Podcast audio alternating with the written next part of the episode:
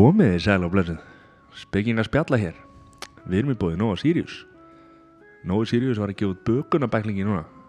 Sæður, ertu búin að kíkja á hann? Já, og byrjar að baka. Ertu, ertu byrjar að baka? Já, það er stýttið þjólin Já, ég veit það. Það er rosa stutt í jólin. Herru, við erum einnig í bóði fagmats Simismiður. Hann ástæðskoðar Hann mælir hvort það sé mikla heima þar Allir sem eru í fastegna hulleggingum eða spá í viðhaldi endilega hafa samband við Simismið fagmat.is Við erum einnig í bóði 250 lita. Steppi málari. Þegar Simmi er búin að kíkja á þetta þá kemur Steppi og málar og gerir allt fínt og flott heima þeir og mála Sim út í eða? Málar Simmi út í hot Liti.is Komið þið sæl og blessuð. Speking að spjalla hérna. Við erum komið rándýran gest hérna í stúdíu Kristinn Rúna Kristinsson Hvað er sæl? Sælfrændi, sæl. Sæl Hvað segirðu? Alltaf þú að kynna þig? Ég ætla að Hvað kynna mig þú? Ég heiti Matti Ég heiti Sæþór Sæl, sæður Herru, velkomin, Kristín Takk kærlega fyrir, já. takk fyrir að fá mig, mikill heiður að koma. Já, þú ert komin hérna, hérna til þess að ræða gott og þarft málefni Já. Við varum að kalla það vitundarvakningu í þjóðfélaginu Verk, uh, verkefni mitt heitir Vitundavækningu um geðsjúkdóma, Já. þannig að þú heitir alveg naglan á höfuði. Já, ég var einmitt með það hérna Og, og varstu með það? Ég held að, með það að væri hérna, ekki sko. með það, sko. Það er Eh, betur að segja að það er ekki Svo heitir fyrirlesturinn minn Rússíbana lífi mitt og svo heitir bókin mín núna Manju raunir reynslusaga strípalingsins á Östufölli og nafnið er bara upplifunni mín í Manju og undir, undir titillin er að 2015 var ég strípalingur inn á Östufölli þegar ég held að ég var að sína fyrir Nipul samstöðu. Eh, Við ætlum, að, fara svolítið í það á eftir sko. Já, já, já, hann að ég, já, En já, hún, hún, bókin sko, nafni á henni, það er svona, segir sér svolítið sjálf sko, en, en hérna, en við, eins og segja, við förum í þetta aðeins betur eftir og hérna, förum aðeins, Já, og hérna byrjum aðeins á, á sjúkdómnum hvað hérna hvað þetta þetta heitir oflætis þunglindis sjúkdómur, er það ekki? jú, manic depressive á ennsku og, og ég sko bara þegar þú sagði sjúkdómur þá mun fólk sennilega hugsa að það sé eitthvað mikið að mér en, en ég vil ekki heldur verið í einhverju afnetun og þetta geðukur er sjúkdómur út frá læknis, læknisfræðilegu hugtæki en ég lít bara frekar á þetta sem andlega áskorun eða ég sé frábriðin öðrum í samfélaginu og, og ég sé með eh, frávik frá norminu. Mér finnst það skemmtilega að, tala um sjúkdóm eða geðsjúkdóm en, en auðvitað getur þetta verið bara það alvarlegt að það er ekkert að, að, að komast undan því og það er 18% fólks með geðkvör sem að fyrirfer sér. Þannig að ég ég myndi segja að ég hef verið mjög áhættisum hóp en ég sé svona komin yfir að vest og búin að læra svolítið mikið á mín geðkvörf þannig að ég tala bara alltaf um geðkvörf staði fyrir sjúkdóm. Já, þú ert ekki hrifin að eins og geðkvarfa síki eða Nei, ég, ég, hvað á ég það að segja, ég er með geðkværar síki og svo er ég með áfengi síki og þú veist, þetta bara ja, hljómar ekki vel. En, en mér finnst, mér finnst að tengjast áfengi síki, geðkværar síki staðan fyrir að tala bara um geðkvörf uh, það er einfaldara, betra og það eru sko hvað að ég hérna sá í bókinni um 1% þá mannkyns sem að eru með þennan eða geta verið með þennan sjúkdóm sem að getur vantarlega verið á eh, sko löngum, em, sko, löngum skala sko. þetta er náttúrulega vantarlega er þetta mis, mis, hérna, leggst þetta mis mikið á fólk. Og það er sko á Íslandi við, við rýnum aðeins í tölutna sko að frá 18 ára aldri kannski cirka 2500 manns. Já, sem að enn stór þetta er yfirleitt svona talað um 1% átjánar og eldri og í heiminum væri það rúmlega eh, 0,8 til 1 0,8 til 1% sem er rúmlega 50 miljónir og Íslandi væri það þá 2500 manns og það er slatti og það er kannski ástæði fyrir að geðdildirnar eru yfir fullar á sumrin að vantan ég er betri geðdildir en, en fólk er að rjúka upp á vorin og sumrin og, og sumari á Íslandi er bara með geðkörfi eða bipolar og hérna Þetta er aðalega á sömurinn og, og Já, hjá flestum en, en það, það geta verið svona álag og ýmislegt eh, skotið fólki upp og, og þú veist núna gaf ég út bókina bara fyrir tíu dögum og ég hef sagt við fólk að ef það væri voru eða sömar þá væri ég sennilega búin að skjótast aðeins upp. Það er bara engin stemning í þessu myrkri og frosti. Og ég hef ekki ennþá upplifa einhvers konar uppsveiflu á þessum árstíma. Og bara eins mikil veljan og það er að skila af sér bók í prent að þá hef ég alveg haldist bara eins og ég hef verið síðustu mánuði sko. er, er þá verra að vera í uppsveiflu heldur en er sem sagt, var það allan að vera laður inn. Er þá verra að vera í uppsveiflu heldur en niðursveiflu? Það er miklu skemmtilega í uppseflu um, þetta er bara anstæða þetta er algjör anstæða og hérna, þunglindinu ertu bara mikið vonleysi og þróttleysi og þú sefur út í eitt. Í, í manjunni þá ertu bara on top of the world og sefur ekki neitt og ert bara mestur og bestur. En það, já, það er auðveldur að vera í innlugna viturna það er rosald aksjón á sumrin sko uh, fólk er að fljú upp og, og það eru tólf að bráðagetildin eru tólf einstaklingar saman í maníu. Það er svo að sitja uh, bara óða hunda saman í búr. Þú, þeir jafna sig ekkert og, og rosaleg læti, pípandi þú veist, varnar, varnarteimið svo kallað er, er endalust hlaupandi fram og tilbaka að sprauta fólki að róa það niður og, og á þetta síðustu ári eru búin að vera dundrandi múr viðgerar fyrir utan og hérna, fyrst það eru uh, verkfæri í garðinum. Þá hefur fólk ekki fengið að fara í, út í frýst loft. Þannig að það var ekkert plan B og undan plan A. Og ég hef verið mest nýju daga samfleitt inni og ekki fengið frýst loft. Og ein, ein hjúkan sagði við mig hérna fáðu bara frýst loft í gegnum gluggarifuna. Og, og hérna rosalega einföld lausn hjá henni og hún var ekki svona galopin. Hún var, var neld sko. Ég þurfti að fara hann og sjúa smá loft sko. Og, og það er Bara út af framkvæmdum hann fyrir já, já, og það er sumt hana, sem að, í bókinni sem að ég segi sem ég er að uppljóstra að, uh, sem ég mun ekki geta nota aftur ef ég fer aftur nú deild sem eru nú svona, me, meiri líkur en minni setna að ég til dæmis þarna ákvað ég að því ég var bara súrefnis svolítið laus en ég, veist, það var ekkert að líði yfir mig en ég leka að það væri að vera að líði yfir mig. Bara þóttist valla standi í lappirnar og hérna, þá farið með mig beint út í, gar, eða beint út í göngutúr. Til að fá fríslótt Já, þannig að ég lék á þau þannig að ég mun sennilega ekki geta gert þetta aftur. Þannig að ég fór með bækur inn á getild í gerð og þau vildi ólum lesa um sjálfsýrun og veru. Og það er þannig aðferðir sem að ég nota sem að ég mun ekki geta nota aftur. Já, en þegar þú Ekki ný, að fá- free pass fyrir að vera að gefa út þessa bók nei, þú er náttúrulega orðin sko stjarnað sko, í þessum heimi sko, þannig að þú er svo rockstjarnað þarna. Já, yfirlæknirinn sagði að ég væri komið meira prófið á dildinni að ég þekkti hvern uh, krók og kima hverja laut og þúfu og hérna þannig að ég þekki allar, Beint upp á bókinni sko. þannig að ég þekki ég þekki hérna ég þekki þetta alveg út í gegn núna, ég er náttúrulega búin að vera laður hann að fimm sinnum eh, laður inn fimm sinnum og Og hvað er það lengi í einu? Þetta er yfirleitt 34 vikur og Já. nöðungavistun er, er hérna 24 dagar samtals. Það byrja á þrem dögum og, og meðan þessi þrý dagar er að líða þá er, er græjar e, græjar leknir til síslimanns þryggja vikna e, beðni um nöðungavistun þannig að þú ert yfirleitt í 24 daga þá. En, en ég og svo er það næsta skerið þá þrý mánuðir en það er aldrei þurft með mig og ég er búinn að vera svo rosalega opinskár um geðheilbyrðiskerfið að að hérna og skrifa bara svolítið hart um þau og stundum í smá reyði sem að maður á aldrei að skrifa reyður en, en það voru samt sumir ánaði með mig að, að hrista þessu upp í þessu.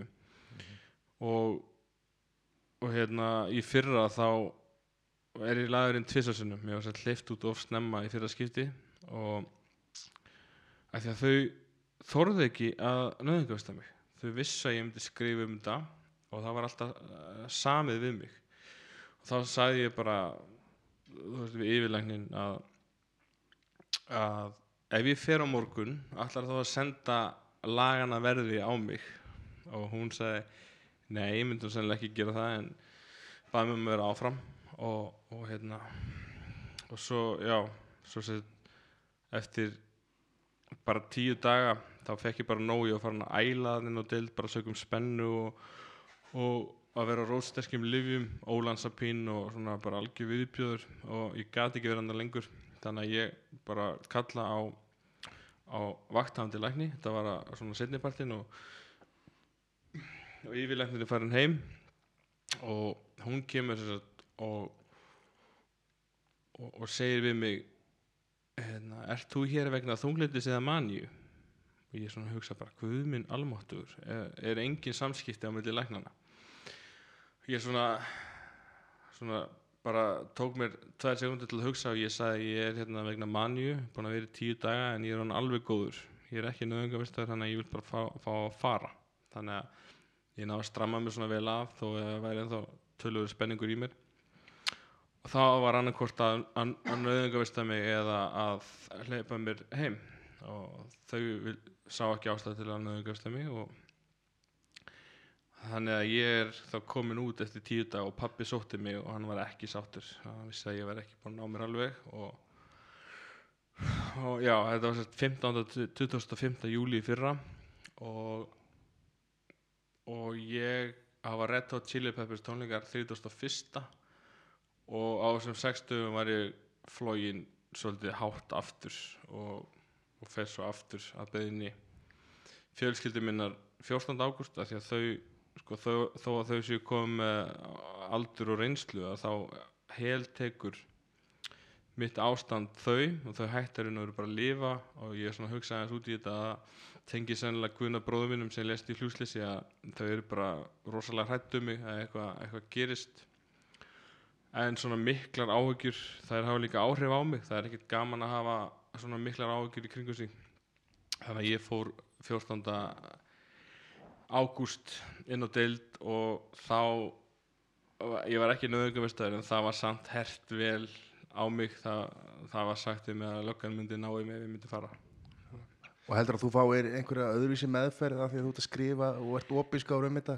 Mér fannst það í fyrra, þau nöðungumestöðum ekki en þau geraði í hinn fjögurskiptin áður en að ég fór að skrifa af krafti og hérna ég segi bara allt og það var til dæmis aðtök í fyrra sem kemur fram í bókinu en, en ég var grátbeðin um að skrifa ekki um þetta í að því ég gæti bara farið í raun og veru um leiðu að við varum komin að opna deild í tölvu og var það pressupenni og bara beint í pistil sko Já.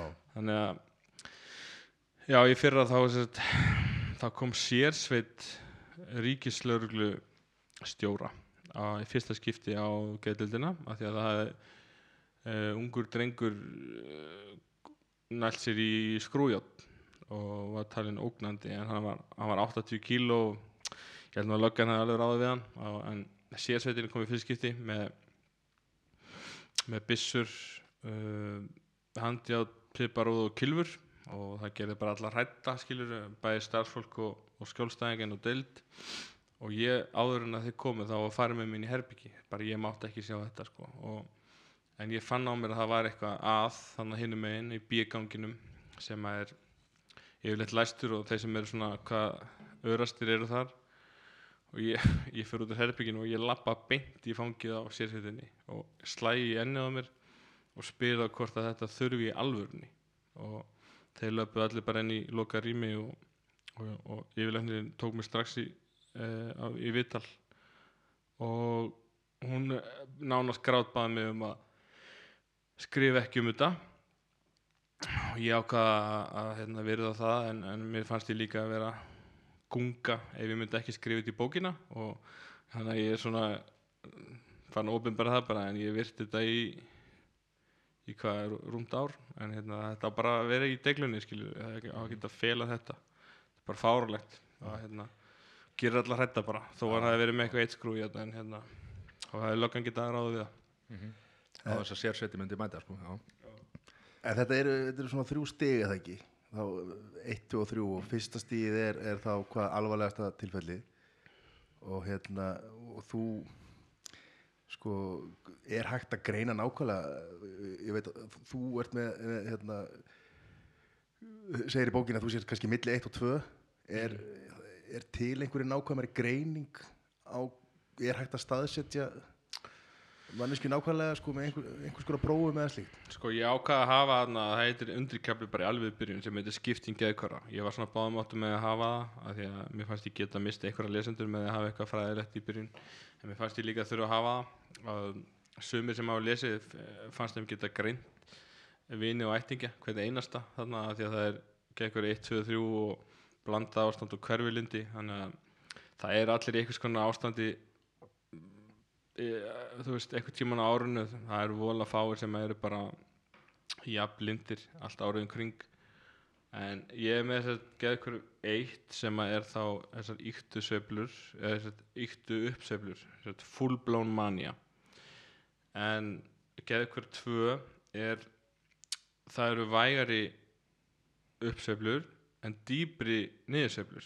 Þannig að ég er svona geta verið í báðu sko og já, þeir sem eru með ég er svona kannski meira geðkvöru eitt og þeir, það er fólki sem að er fer oftast inn á geðdeild eða sérstaklega bráða geðdeildina sem er eiginlega bara manju deild á sömurinn og hún varð bráða geðdeild eh, 30. mæði 2014 25 ára ammælstæmin svona tákrænt, skemmtilegt.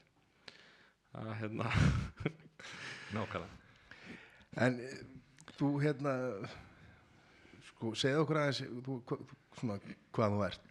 Byrjum bara, nú, þetta, þetta er svakalegur inngangur. Sko. Þetta, já, það þarf Hérna, alltaf einhver var, byrjum þetta, að- var byrjum- þetta inngangur? Já, er það ekki?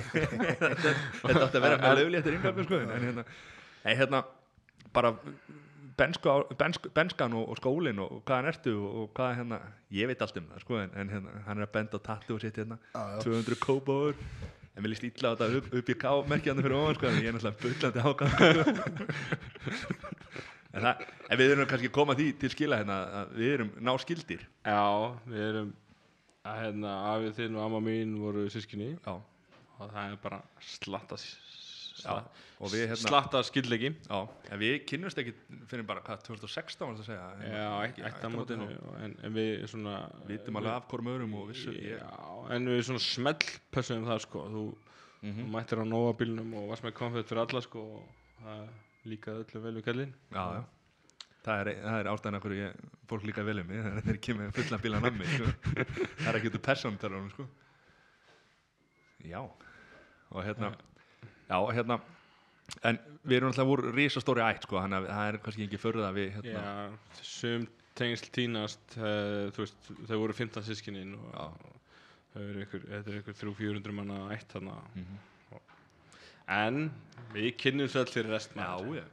En, Þú segir, við þú ert á kópáunum og, og hérna þú átt uh, fjögur sískinni við vorum sex. Það var sex sískinni eins og ég sagði að Guðni látin og byrjaði á stelpu. Svo komu, eða sýsti mér Ragnar svo komu fimm strákar. Að það var byrjað á persóna píunni og svo var hlaðið í fimm strákar Mhm. það er mjög flott. Og þú er hvað í röðinni?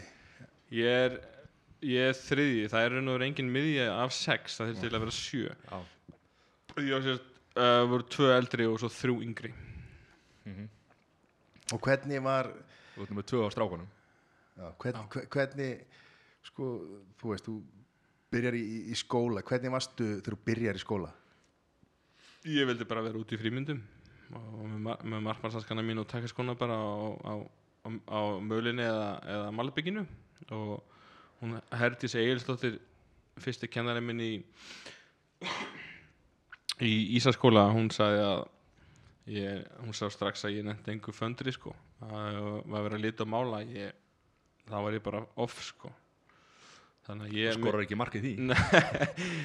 Ég, ég hérna ég nú með, fyrst að tala um tattoo þá stendur hérna I know I'm a loner og þá er óið er fótbolti, ég var bara einn með boltanum mína og ég hægt á leikskóla 30 háls af því að ég átti 20 bolta heima en á leikskólanum var einn bolti fyrir 20 krakka þannig að þegar 30 háls þá grenjaði ég bara í mömmu og hún gafst upp og leiði mér að vera heima og ég var bara allsæll að leika mér að vera hinn og þessi frægi íþróttamæður sko. Já. Og varstu, varstu þá bara stimplaður sem erfiður?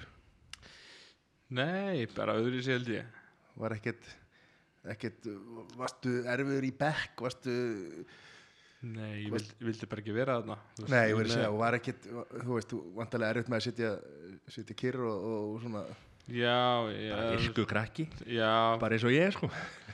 Svona, þú veist ef, ef maður lítur til framtíðar þá er náttúrulega þú veist, með geðkvörf þó þau hafa ekki komið fram strax en þeir sem eru með geðkvörf þeir, þeir eru með svolítið svona frjóan og framkvæmda saman hug heila og þau vilja ekkert vera að sitja bara eitthvað kyrri í 80 mínútur eða 6 tíma á dag, þau vilja bara vera út að gera eitthvað en þannig að þetta skólakerfi hendar ekkert öllum og ég fór í hérna sálgreiningu þegar ég var 13 og 15 ára. Já, eftir að þunglindi e, byrjar og, og þeim þótti sveiflundar svo, svo undarlegar og djúpar og, og það var svo skrítið hvað ég var rosalega góður í sömu í skóla og, og rosalega slæmur í öðru. Ég kunna ekki flatamál, speilmynd, stærfæði, náttúrfæði þetta var bara svo kynveska fyrir mér en svo að koma fyrir mig orði eða rítgerðir tungumál það fekk ég yfirleitt bara mjög hátt í. Og greind, greindin mín er frá 70 sem er á við bara mjög skertan einstakling og, og svo fer hún upp í 140 sem er á við í raun og veru flug gáðan en meðaltalið var svo 108 Þannig að þú varst nógu góður í sömu fögum svona án þess að það væri hægt að stimplaði bara sem einhvers konar bara mjög erfiðan og, og, og hérna að því að þetta er kannski breytt í dag með, með svona betri greiningum á síðustu árum sko en, en Þú ert að reyna að segja tossabekkir. Tala um það. Já, já, er það ekki? Það voru tossabekkir og þar voru kannski hérna örgla, já, aðalega strákar þú veist, sem að voru virki Ég og var- hafðu ekki áhuga á að sitja og, og hérna í starffræði eða, eða einhverju slíku heldur vildu, vildu fara út í hver og hópulta Já, ég, sko, sem að ég kannski hafði fram yfir þennan gamla tossabekki hana í gamla dag að ég var fluglæs alveg bara frá því ég var fjara fimm ára. Ég lærði að lesa með því að lesa minningagreinar um fólk í mókanum ég vildi sjá hvort ég hefði eitthvað tengsl við þetta fólk og hérna, ég var mjög sérstakur krakki. Ég, já, ég sett, vildi vita hvort ég hefði tengsl við þetta gamla fólk og, og ef, það- kom uh, eitthvað eitthvað til mamma og pappa í heimsókn og það hefði, þá sagði mamma mér stundum að þessi hefði mist mömmu sinni eða frængu og þá var ég búinn að lesa bara allt sko, um aðilan Og mundur allt eða? Já, já, ég myndi nöfnin og ég líka las allt sem að þá fólki skrifaði, þetta var svona á mokka tímanum skilur um, um 90 og eitthvað skilur það sem allir skrifuðu um alla. Þannig að já, ég myndi þetta líka allt. Ok.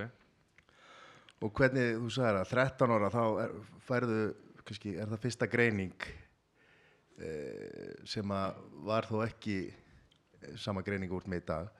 Þunglindi, það byrjaði Það þunglindi. Var byrjað á þungliti, það var ekki, já, og var ekki líka aðtiklisbestur og, og, og Jú. ADHD eða Jú, slíkt. Hvað er þetta gamall þegar að Guðni Ég er átján, Já Þetta er, þetta lungu fyrir það. Það tengdi svo setna Já, Svo, ég- svo ég opið frá fáfyrraði mína alveg.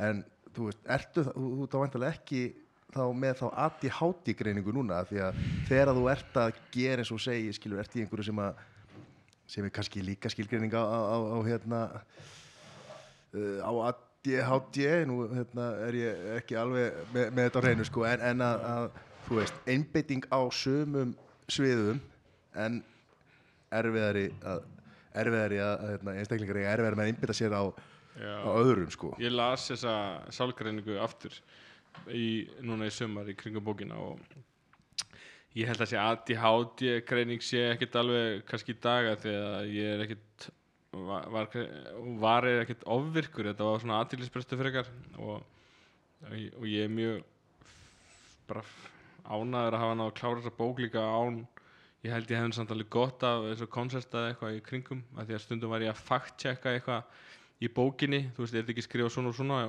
Google, svo allt í henni verið komin inn í einhverja frétt og fann að lesa hana og ég sagði sjálf með ekki vera að lesa fréttir á meðan þú veist að lesa skjalið gera eitthvað annað. En er það ekki bræðileg?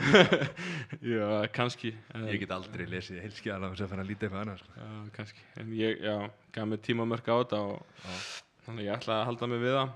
En, en svo, já, ég las þetta í sumar og það, það sem mesta sjokki við að lesa niðurstöðuna frá ég var 13 og 15 ára var að það stóð að meðan mér leiði vel á milli þunglitisveifluna í úlingundildinni þá væri ég mögulega að upplifa hýpomaníu sem er þá hana, til, tilerir gegnum tvö sem er svona stutt uppsveifla. Og sálfræðingurinn sagði að það væri möguleiki að mér liði mjög vel og ég væri að upplifa þessar stuttu sveiflur. Og það stóð líka í framtíðinni þegar hann verður eldri þá er líklegt að hann muni upplifa stórar sveiflur sem anstæðu þunglindis og það er sko ef ég og fólkdra minn hefði rýnt betur í þetta þá hefði verið þetta sjá þetta betur og, og kannski svona ja, ekki vara við en svona bara verið meira á nótunum þegar þetta gerðist þegar ég var tvítur því að þá var ég sex vikur í mani og þess að neitt vissi hvað þetta var ég var bara, kittið bara okkur flip tímabili eða hann er á síru eða eitthvað Mhm. af því að það er svona blíkið augunum og mikill glampi minnir svolítið á síruna þó ég hef ekki, ekki pröfað það. En þannig er náttúrulega bara, eh, bara fáfræði og fólk veit ekkert hvað er að tala um skilur og, og hérna. Það hefur lagast síðan að ég greinist 2009 eins og segi ég var sex vikur í ástandinu og ég heyrði ekki fyrir en bara ég hitti geðlækni. Pappi vildi að ég hitti geðlækni inn, á inn á, inn á ringbraut og hérna og en já, já hann sem segir hvað hefur á dagað þín að drifi Kristinn síðustu vikur? Og ég gaf hann fimm mínúna samhengslust svar að ég væri búinn að vera í Prag og væri að fara að meika og væri búinn að vera í fótboltanum aftur þetta fimm ára hlý og væri að fara í blíkana og, og var bara svona út um allt og hann, sagði, hann stoppaði með og sagði ég er nokkuð við sem að þú sett í maníu núna. Og þá hefði ég aldrei heyrt þetta orð á æfinni Þannig að Hvernig heldur að fyrsta manni hann hafi, þú veist hvað Eða, sko, við, við, við, við komum að því. Já. við komum að því. Róliður en eh, svona ef við hérna, eh, 13 ára komum við þessa greiningu. Uh, hvernig var það einhver vantarlega er einhver aldraðandi að því? Já, hvernig, er, er, hvernig var þarna sambandið við fjölskyldu og, og að jafnaldra og svona, þú veist átturu þú veist, fannst þér þú verið eitthvað öðruvísi? Þú veist, fannst þér erfitt að hérna, umgangast þá jafnaldraina sem voru ekki svo þú? Það var sko lífið var allt í blóma hann til ég var 12 ára og það hérna, er oft áfall sem var stað í sjúkdómi og, og hjá mér var það að ég var mjög efnilegur í fótbolta körfu ég var top 3 í í körfun á landinu og eitthvað svipað í fótboltanum. Ég var markakongur selmótinu og landsliðinu þar árið setna og, og mikla væntinga að gera til mín og ég var farin að bara skrifa einhandra áratun mjög hratt að því ég sé, fengið áratun hjá Beckham og félögum í Manchester þannig að ég var búin að sjá fyrir mér í framtíðinni myndi þúsundir manna býða eftir mér og, og ég var fann að króta þetta mjög hratt og hérna, fagnaði alltaf út á velli eins og ég væri Old Trafford eða einhverjum NBA leik og, og en svo sömari 2001 þegar ég er 12 ára þá þingist ég um 12 kíló. og þá, ég hef alltaf verið rosalega íktur og þannig kom þetta fram bara í einhverju svona léttri einhverju matarfíkni eða bara vera alltaf að borða nammi og gós og, og hérna, ég þingist um 12 kíló. Það er svona eins og eins og, eins og fyrir fullorðið manna fara úr 100 kílóum í 130 sko. Þannig að ég svona missi svolítið mína svona hæfileika eða yfir, yfirburði má segja sem ég hafði yfir marga og og fer í mark í fótboltanum sem var svolítið svona áfall fyrir sjálfstyrsti og marka, marka, kongin já, fær í markið þegar hann er svo þungur Já. en ég gæti ennþá hitt ágætlega í fótboltan nei, í körfunni uh, en var lélur í vörn og hægur og svo í byrjun 8. bekkjar 2002 því ég er 13 ára þá hellist ég mig bara alveg rosalega þungt þunglindi og að það var alveg búið að vera í svona mánuð bara frá byrjun 8. bekkjar þá var ég að sofa minna eða, af áhugjum bara, bara að hellast aftur í náminu var í markinu, illa sofin var að fá á mig mörg sem að ég átti ekki að fá á mig og, og hérna það var eftir eina fótbollstæðinguna sem ég fór til ömmu minnar í e, sérst, e, mömmu mömmu minnar að, að hún bjöði guldsmárunum e, á tíundu hæð og, og hún var rosalega skemmtileg kona og, og, og var oft svona mikil húmor í okkar spjöllum og þarna var þetta bara mjög innihaldslust og ég var alveg þrótaður og hugsaði ég, mér mun aldrei líða vel aftur bara. Og þetta er svona þetta er svona það ástand sem er hvað hættulegast eða svona menn hafa ómikið stolt til að segja frá hvernig þeim líður og það er oft ungir, dreng, ungir strákar 18-25 ára sem að fremja sjálfsvík af því að þeir viti ekki hvernig líður og sjá um eitthvað hjálp framöndan þannig að ég fór út á svalir hann hjá ömmu og ég viðraði við mig bara hvort ég ætti ekki að henda mig niður. Að það væri eitthvað sem er ekkert framöndan í lífinu. 13 ára? Já, það er, er frekar hart sko. Og, en ég fór inn og hugsaði að ég geti ekki gert fjölskyldu minn þetta. Og hann að ég fór fór heim og held ég einu með tveimtu setna þá þá brotnaði ég algjörlega niður fyrir saman fjölskyldu mína og mamma var búin að reyna eitthvað að tala um þetta hann undan en ég fór það alveg svo heitan eldin sko. Að einhver, einhver spjöll og að það var rosa léttir að, að, að létta af sér og þau var náttúrulega búin að sjá breytingu á mér en, en hérna, við grétum öll saman og, en samt sem áður fimm, eh, ég taldi svona cirka 15 skipti í júlingadildinni þar sem að ég fór í svona 12 daga alltaf niður og það var rosalega svart tungliti en sem betur fyrir var sveiflega alltaf eins ég vissi hvernig maður væri og á svona 5. og 7. degi þá myndi ég ná algjöru botni þetta voru rosalega erfið dagar samt að því að ég vissi ég þyrfti að komast á botnin til að til að ná að spilla mér upp aftur og svo verið svona yfirlega tilbúin að mæta á 10. og 12. degi í skólan og ég vildi ekki láta sjá út úr húsin nema ég verið að höfðu gerlendis eða sálfræðings að þetta var ekkit ég þetta var ekkit, þetta var einhver allt önnur útgáð sjálfur mér. Og krakkarnir svona vissu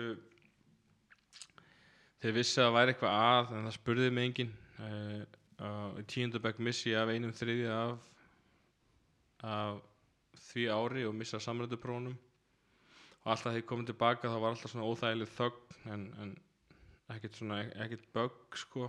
En, en það vissi enginn hvað er þetta að segja og skólinn síndi mér svona síndi mér skilning en ekki hjálp og, og það var endur eitt moment uh, sem að þrýr félagið minni fór í ynga bróðum minn þegar hann var í, í hérna, sjöttabekk fór út í frímynduna til að tala við hann og spurði hver ég væri eða hvort það væri eitthvað að mér ég, ég var ekki stæðar á 8. og 9. degi en, en ég fekk eitthvað svona spark bara þannig að mæta strax í skólan láta aðeins finna fyrir mér ég sagði við á hérna ef þið ætla að tala eitthvað um mig eða mín hérna, mín erfilega veikindi ég man ekki hvað ég segi þá talaði við mig þið, þið er ekki svo auðmingar að tala við bróðum minn í sjötta bekk. Þetta er jafnaldra þínir hann Já.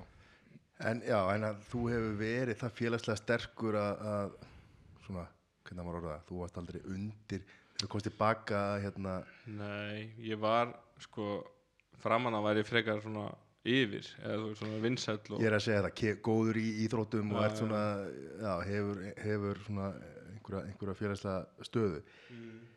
En hvað, veistu hvað, hvernig þetta var skýrt út fyrir krökkum á, á eða sem sagt bekknum á sínum tíma, var, var, var, var, ekki. Kitty bara veikur eða var hann veikur Já, heima eða? Ég held að það er bara ekki verið neitt rætt og mm, þau vissu bara að væri eitthvað að vissu bara ekkert hvað það var og, og eins og með fyrirlesturum minn ég er svona einblín á tíundabökk ég hef pröfað að, tala í 8. og 9. en mér fannst þau bara svo ungir en, en tíundabökk ég hugsaði líka hvað ég hefði haft gott að því þegar ég verið tíundabökk að fá svona fyrirlestur að ég væri ekki einn í þessu og líka kannski 20 manna bekk þá er ég kannski að tala við 2-3 sérstaklega sem að svo ég takk ekkert endilega eftir því að þá eru þau mest að hlusta og, og, og svona takit inn að þá eru þau annarkvort andlega, andlega veik eitthvað eða fóruldrar eða ættingjar.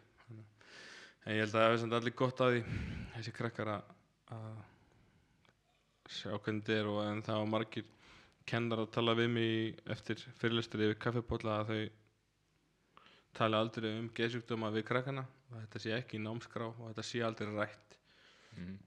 sem er svolítið svona sjokka því að það eru tó- 13 ár síðan ég útskrifaðist Ekkert búið að laga Nei, ég fann það bara fyrsta fyrirlestur í 2016 að hérna, hvað þetta væri þarft og ég þyrfti að helst að fara út um allt með þetta. Já. Þannig að þú ert man on a mission núna bara. Já, já, Það er bara svolítið En Það já, þarf alltaf einhver til að koma og, og hérna.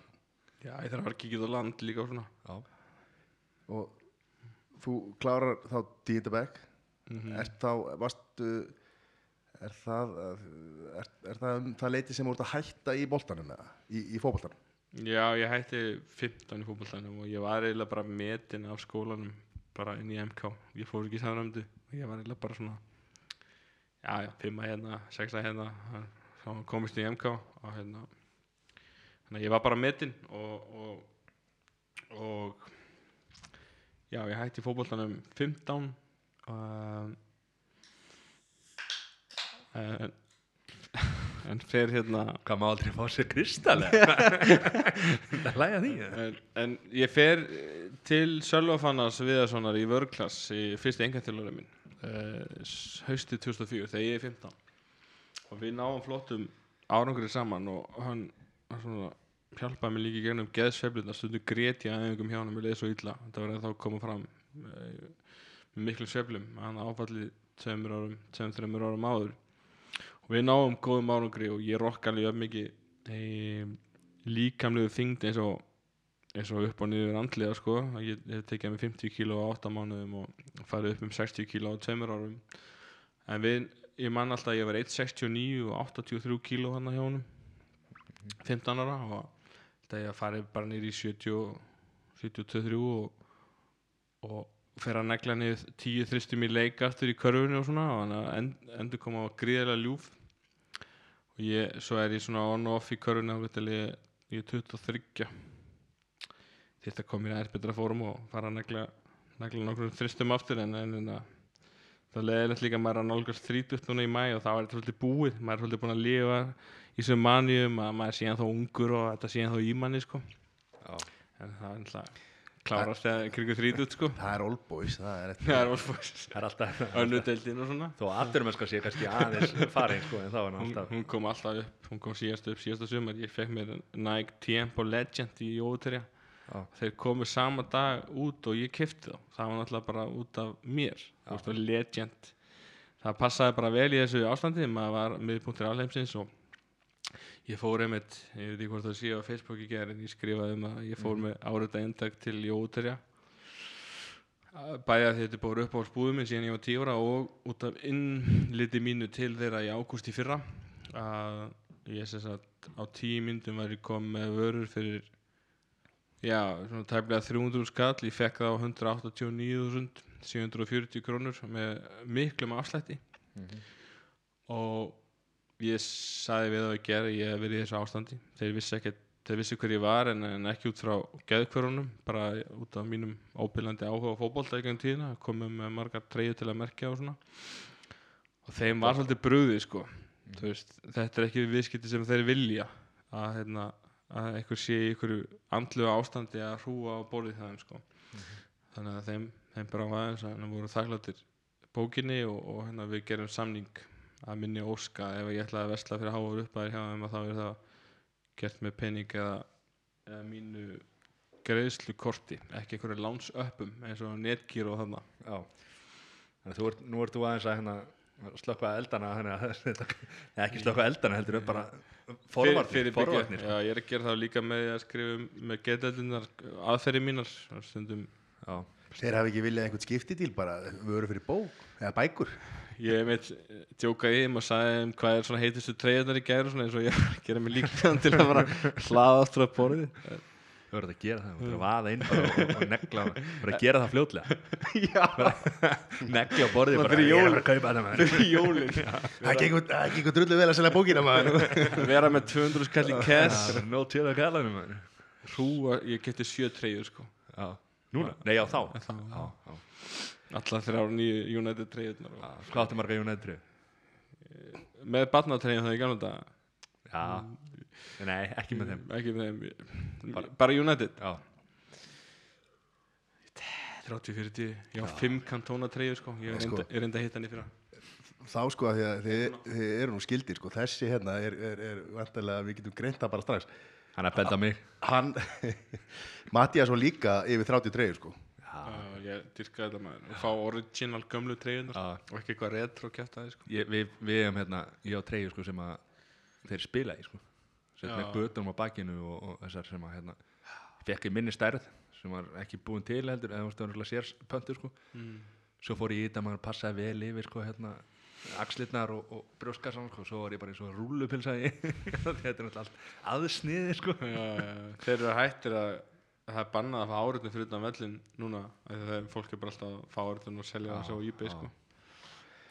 Herri, og, og, og, þú ert í mentaskólum í Kópói ert þar, að, hvað, ég, var, varst. Ég er löngu búinn. Já, ég ég, ég, var að, ég var að hugsa hvar við vorum í sögunni sko. Ég var 8 ár með MK, ég var frá 2005 til 2013 og það var smá sparkir að sinna yngi bróður átti eitt ár eftir.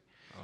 ég átti 35 einingar sem að var nú bara eins og 70 fyrir eh, fyrir sko þann sem að nefnda að læra. En ekki á ágjur sko, Laugi Bergman var með okkur einn í síðasta þetta sko, hann var 25 ára að klára stjórnmálfræðina sko, þannig að, hann er búið með hann núna, já, Já. tók hann það í hliðinu.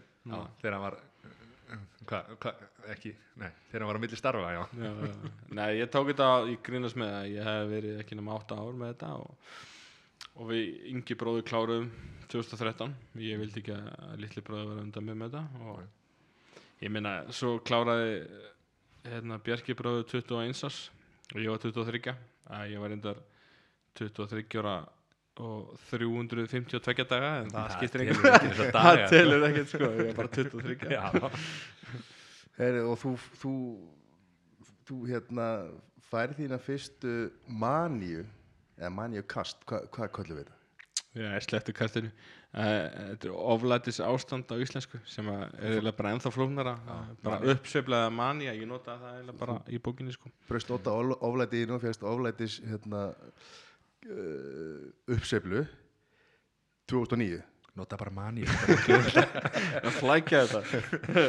Ég held að hlustandinn sé þú veist, ef ekki bara einfald þetta. Ég, ma- ég nota alltaf manju uppsveiflu í bókinni bara. Og færð þína maníu fyrst, fyrstu maníu 2009 og þá varstu tvítugur Já. hvernig sko hvernig svona sko, segðu okkur frá því. Eh, þú, sko, við hvetjum allir að lesa bókina því að þessu líst ítalega þar. Já, en segðu okkur svona, svona hvernig þú fæst á, á kristruna.com svo það komið bara fram og hérna, besti dýlinn þar bæði fyrir, fyrir mig og, og ekki síst kaupandan og, og sko, mikið rós frá mér hérna, ég er búin að lesa tvær bækur yfir æfina, sko, Já. nei, fyrir ekki, þrjár, núna fjóra, fjóra núna, má ég giska hvað fyrsta, hvað fyrsta, fyrsta bókin sem þú last var? Já. var það Ævisa Ferguson eða? nei, fyrsta bókin var hérna Englar Alheimsins, út af tíundabæk, og Gísla Saga Sússonar með reyndar hljóðsnældu hjálp, sko, mm. svo Æfisa Ferguson og svo Manjurinn, Ég heyrði konu í geði sem að að ein, prófverkalisunum mínum hún sá mikil tengsl með þessu og englum alheimsins já, kannski sérstaklega út af nýjunda kaplanum með lífiðin og geðdild á Íslandi. Mm. það var ekkert plani ég hef hort á bókin hort á myndina og lesið bókina og, en ég gera það ekkert sérstaklega núna fyrir skrifin en það er eiginlega mesta hrósið sem ég fæ að fólk vilji lesa bókina sem að lesa ekki bækur hefur, hefur ekki lesið bóki mörg ár. Og svona hitt kannski svona uppáhaldsrós er að ég ná að lýsa hlutum svolítið sjónrænt að fólk fylgir mér í manni sjónum það er bara staðfest, sko. það verður að vera en, en er, er ekki hljóðbók þá á leiðinni? Jú, ég þarf að, er þetta að menna fyrir þá sem vilja hlusta og lesa eða rafbók Nei, ég er að tala um sko hljóðbók þar sem að þú lest Já. söguna Já, ég vil alltaf gera það það hafa nokkur hérna með lesblindu talaði um mig og, Við getum bara gert það hérna, sko. að það, Já, við plöggum það, það- það eftir þátt. Bara í alla nótti það Já, bara, taka 35 tíma rönni sem með bókina. En, en hérna, og- já, ég ætla að gera hljóðbók og örglega rafbók á næsta ári eða þegar við svona farin að hver er á hljóðbók og hraðbók rafbók er bara rafrænt það sem þú lest. Á netinu? hljóðbók er það sem, það sem ég les og þú En ég fekk rafbók frá þér. ha, Ég fekk rafbók frá Nei, það þér. fæst bara skjali sko. Já, já, í raun og veru, Já, í já, raun og já. veru já. Ég hef aldrei lesið svona lengi í einu, sko. Og ég er ekki að grína, sko. Já, það er bara snild ég veit, um, lest mér fá þetta, ég svaf ekki, ég svaf lítið þá nátt, sko. ég veit um þrjá fjóra sem hafa lesið bara einni beit sko það er eitthvað átta tíma lestur en, en, en þú varst að spyrja um fyrstu manni fyrstu mannina og ég talaði sem hann á þann að ég, hann hafi sagt mér eftir sex vikur að ég væri í manniu og þá þá var ég sérst jú, ég missi bróðum með 2007 og það líða 22 mánuður og svo er ég komin í manniu um, það hefði sennilega einhver áhrif að áföll hafa oft áhrif. Og ég var einmitt að fara með bók til hennar Hildar, eh, Hildu eh, vinkona mömmuna sem að sagði mér fréttirnar uh, sorgafréttirnar að Guðna þegar við vorum að binda dorm hún sagði strax að ég hef farið í eitthvað ástand á núti ég, ég, Var hún með þér á eða? Já, eða var Torri Vieka og fóreldrar mínir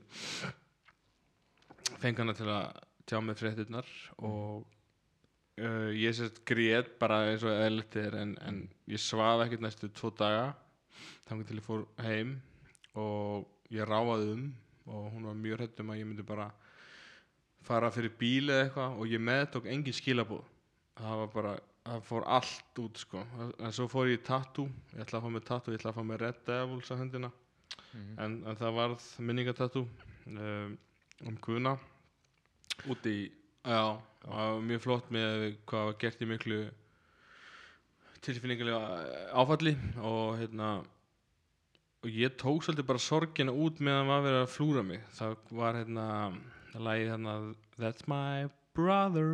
Ég man ekki hvað titillin er en það heitir ekki That's my brother heldur eitthvað annað.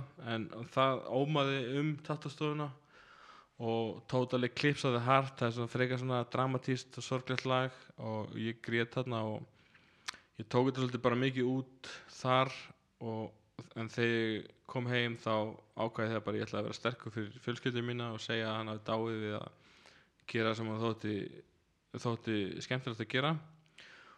Og ég grét ekkert í jarðaförinu ég var búinn að taka út sorgina ég, við varum svo nánir og ég fann svo mikið fyrir honum ég fekk fyrirbúða fyrir þetta eh, eða fyrir fréttirnar og það var eins og ég hefði fengið einhvern svaka styrk sko. ég var bara mjög sterkur þarna Nú er ég, nú er ég sjálfur í þessari jarðaför sko. Ég er að fá gæs, gæsa það núna bara því að þú veist, upplifun á því sem þú ert að segja núna sko, og hvernig, hvernig ég var hérna í jarðaförinu sko, þetta var Þetta er örgulega sorglegast uh, sástu mig eitthvað svona Nei, ég ég, þetta kirkja var náttúrulega pökk sko.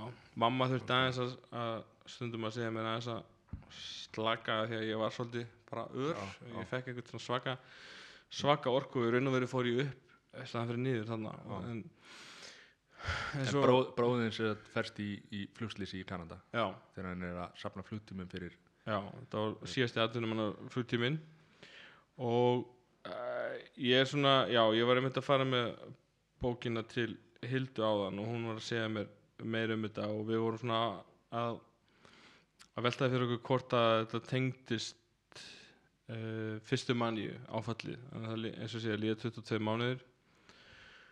Og ég hef fundið rosal, rosalega mikið fyrir honum sérstaklega í manniðinni fyrra. Mér finnst það að vera að íta mér út í allan anskotan sko. það er kannski ástæða fyrir að ég með bókirna við hliðina á mér að, að ég bara finn svo mikið fyrir honum og, og hérna og búið til sögur búið til sögur fyrir fyrirlestrana og fyrir bókina og hérna en, en með fyrstu mannina fann ég ekki, ekki þannig sko að stuttfræðan degir og og hérna en það koma þarna, já ég léttist hratt og En upplifur eitthvað um hann þú veist, ert að átta á því að þú sért í manju eða er þetta bara já, já áttaði mér náttúrulega ekki á því þarna í fyrstu manninu því að ég gerði það engin en í manninu 2, 3 og 4 hef ég vitað það bara eins og með hva, hvena það er að byrja og það er bara með minni svefn og meiri orku og eði meiri pening en, en í og þú ert upplýstur allar tíma eða vist alveg aðeins allar tíma Já, ég er svona farin að fela mig pínu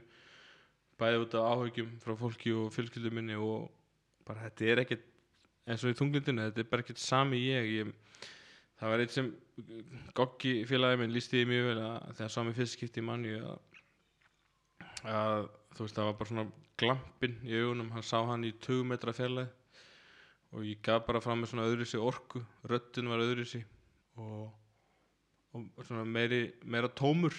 Og hérna þó að þessi gaman þá er þetta allt þessi innihalslaust en, en, já, meira meira svo já. en samt alveg bullandi orka og, og gleði og, og ég er orðinn svolítið var um mig. Mhm. Þú veist, ég svar ekki símanum. Ég er eiginlega hættur að nota samfélagsmiðla á meðan uh, en, en með fyrstu manníuna uh, svo ég droppi aftur þangað að, að þá já, léttist ég hratt eins og oft gert en, en þarna var bara eitthvað eitthva meira ég tók 8 kíló á mér á tveim vikum og, og fer til Prag þarna hann var hluti af öðrum kaplanum mm. ferðin til Prag með Herbalife þar sem að vissi ekki hvað væri í gangi og það er svona uh, fljótlega er það bara uh, aðal atriði hjá mínu fólki í ferðinni að koma mér heim heilum og höldnum. En, en hérna, þeir sem að þekktum ekki þeir voru bara slúður um að ég var á síru og var okkur rótstæski meðlugum og Þetta, þetta er frábær lesning þessi kapli að því að hérna, þú, þú, þú ert þarna hlaupandi um með bakbúka með íslenska fánunum sko, hérna, út um allt eins og, eins og hérna, eins og- Grjótari túristi. eins og rótrunir Pragbúar er einn kallaði það eða? Pragbúar pragarar eða Pragarar Pragarar Ba- bara pragarar og flagarar voru bara, bara sko crazy Æslandi sko. já, já. ég líka, Eður Smári var að skipta úr Barcelona í Monaco og ég, fyrsta sem ég gerði var að kaupa mér þegar ég heyrði Good Johnson Good Johnson hann í, í, Rú- eh, í Strætó og fólk að mínum að þetta tala um mig ég meina ljósarir og ég komin í svolítið gott form og svona þá fór ég beint og keti mér Sparta Prag treyju og hérna og let lítið út fyrir að Good Johnson væri að koma til Prag. En svo fór hann til Monaco mánuðu sinna en hann var svona free agent hann þannig að ég nýtti mig það aðeins. Þannig þú átt Prag-treyju núna. Nei, hérna átti heldur betur, ég seti samt ekki Good Johnson nýju aftan það hefur svolítið góð Það hefur verið gott. Og, já, og hérna þetta sko frábær, frábær lesning þessi kapli sko, og ert þarna með fólki erlendis. Uh ég trúi kannski sem að þekkir ekkit allt og vel Já, ekki, all, allan ekki margir sko. Það er kannski verra að vera í fyrsta manniðan þú veist ekkert, þú hefur ekki upplifað þetta áður og ert erlendis. Já, með Íslendingu sem ég þekki ekki já, sem eru tilbúin að slúður út í eitt þannig að þetta var ekki en draumarstaða sko. en maður velur sér ekkit stað og stund í, í svona sko. En, já, hún, hún Rakel konuna Skarpa sem að Skarpin Ingason, Körbólta legend úr, úr hérna K.R. aðalega að hún sagði við mig, þau voru svona mitt fólk að núti og þau voru þau voru svolítið að bara mér heim bara, þú veist, hald, halda svolítið utanum en ég var bara alltaf farin um leið hún, hún sagði við mig fljótlega eftir þess að ferða að hérna þessum tveimur árum eftir að, að hérna ég myndi ekki út bók mm bara þessi, þessi ferð var bara eh, efni í bók eða allavega allavega kabla í bók þannig að ég er svona já og ditta frænka mín hún líka þannig að ég vitaði nokkur ára að ég myndi ekki út bók en, en formóli bókarinnar er, er hann heitir formóli Kristjáns Hafþórssonar Krissa Haf að því að 20. november í fyrra að þá voru við ísrúndi eins og við gerum svona út að borða ístvisar í mánuði og ég sáði um alltaf nýja og nýja manjusögu og, og hann sagði við mig í lók kvöldsins bara Kitty, ég held að þetta komið efni í bók núna. Og ég hugsaði, ég var búinn að hugsa svona ég er kannski hálfnæri bók eða tvo þriðið eða eitthvað. Og ég hugsaði, já uh, manju raunis kom bara um leið sko. Svo kom reynslu sagði strípalýsins á Ístöðli setna Mhm. en ég er mjög kvatsís og ég fór beint upp í hérna, Lazyboy heima setti drauga tíu köflum og, og á Facebooki daginn eftir til að ég setja oft svona pressa á sjálfum mig bara að sé komið út í kosmosi og þetta eru tíu köflar og við ákveðum að formúlin yrði hans upplifun á mér og mér í manju af því að hann 2014 í annari manjunni fekk fjölda vísbendinga um að ég væri í manju uh, þetta var þetta förstu dagur fyrir menninganótt og við ætlum að taka æfingu í valsjamilinu og ég ringi hann og spyr hvort hann getur hérna, hvernig hann fari í valsjamili og hann segist bara alltaf lappa þannig að ég segi bara ekkert mál. Þá er ég búinn að deginum á hann deginum á hann afhenda pappa og mömmu bílíklana því að ég farin að spæna göttuna svolítið rætt og og ég segi hann, já ok, ég segi bara í valsefnilega eftir. Þannig að ég röllt út á Katalínu í Hamraborginni og fekk mér einn svellkaldan mjöð klukkan tvö og hérna tegð svo leigubíl í valsefmili og ég segi hún þetta að ég hefi hérna fengið mér bjór og fengið mér svo leigubíl uh, tekið leigubíl og selt uh, leigubílstjórunum hörbalega pakka á leiðinni. Og honum þótti þetta allt svona svolítið sérstætt og ég sagði hann að ég vera hættur á Snapchat ég hafði engan tími í þetta lengur það var bara ómikið að gerast. Og, og var mikið að tala um framtíðin og viðskipti við hann. Og hann held bara að það væri fössar í kallinum og að vera menninglót á morgun. Já, og, og hérna spáði ekkert meir í það og ég mætti til þess að menningan á daginn eftir. Og svo heyrða, náði hann ekki með næstu 2-3 daga og ringi svo ynga bróður og þá er ég komin inn og geðdelt Já. og þá fattaði hann þetta allt saman sko. hann, hann fekk svo mörg sæn, eh, sæns að, hérna, að það er hans þetta er hans formáli, upplifun og okkur finnst það en mér finnst það mjög töff hérna hvernig hann skrifar hann sko. góð byrjun á bókinni Mhm. Já. Og, og hérna var það ekki á þeim tíma í þessari á þessum í þessari maníu sem að hérna, þú ætlaðir að spila byggarleik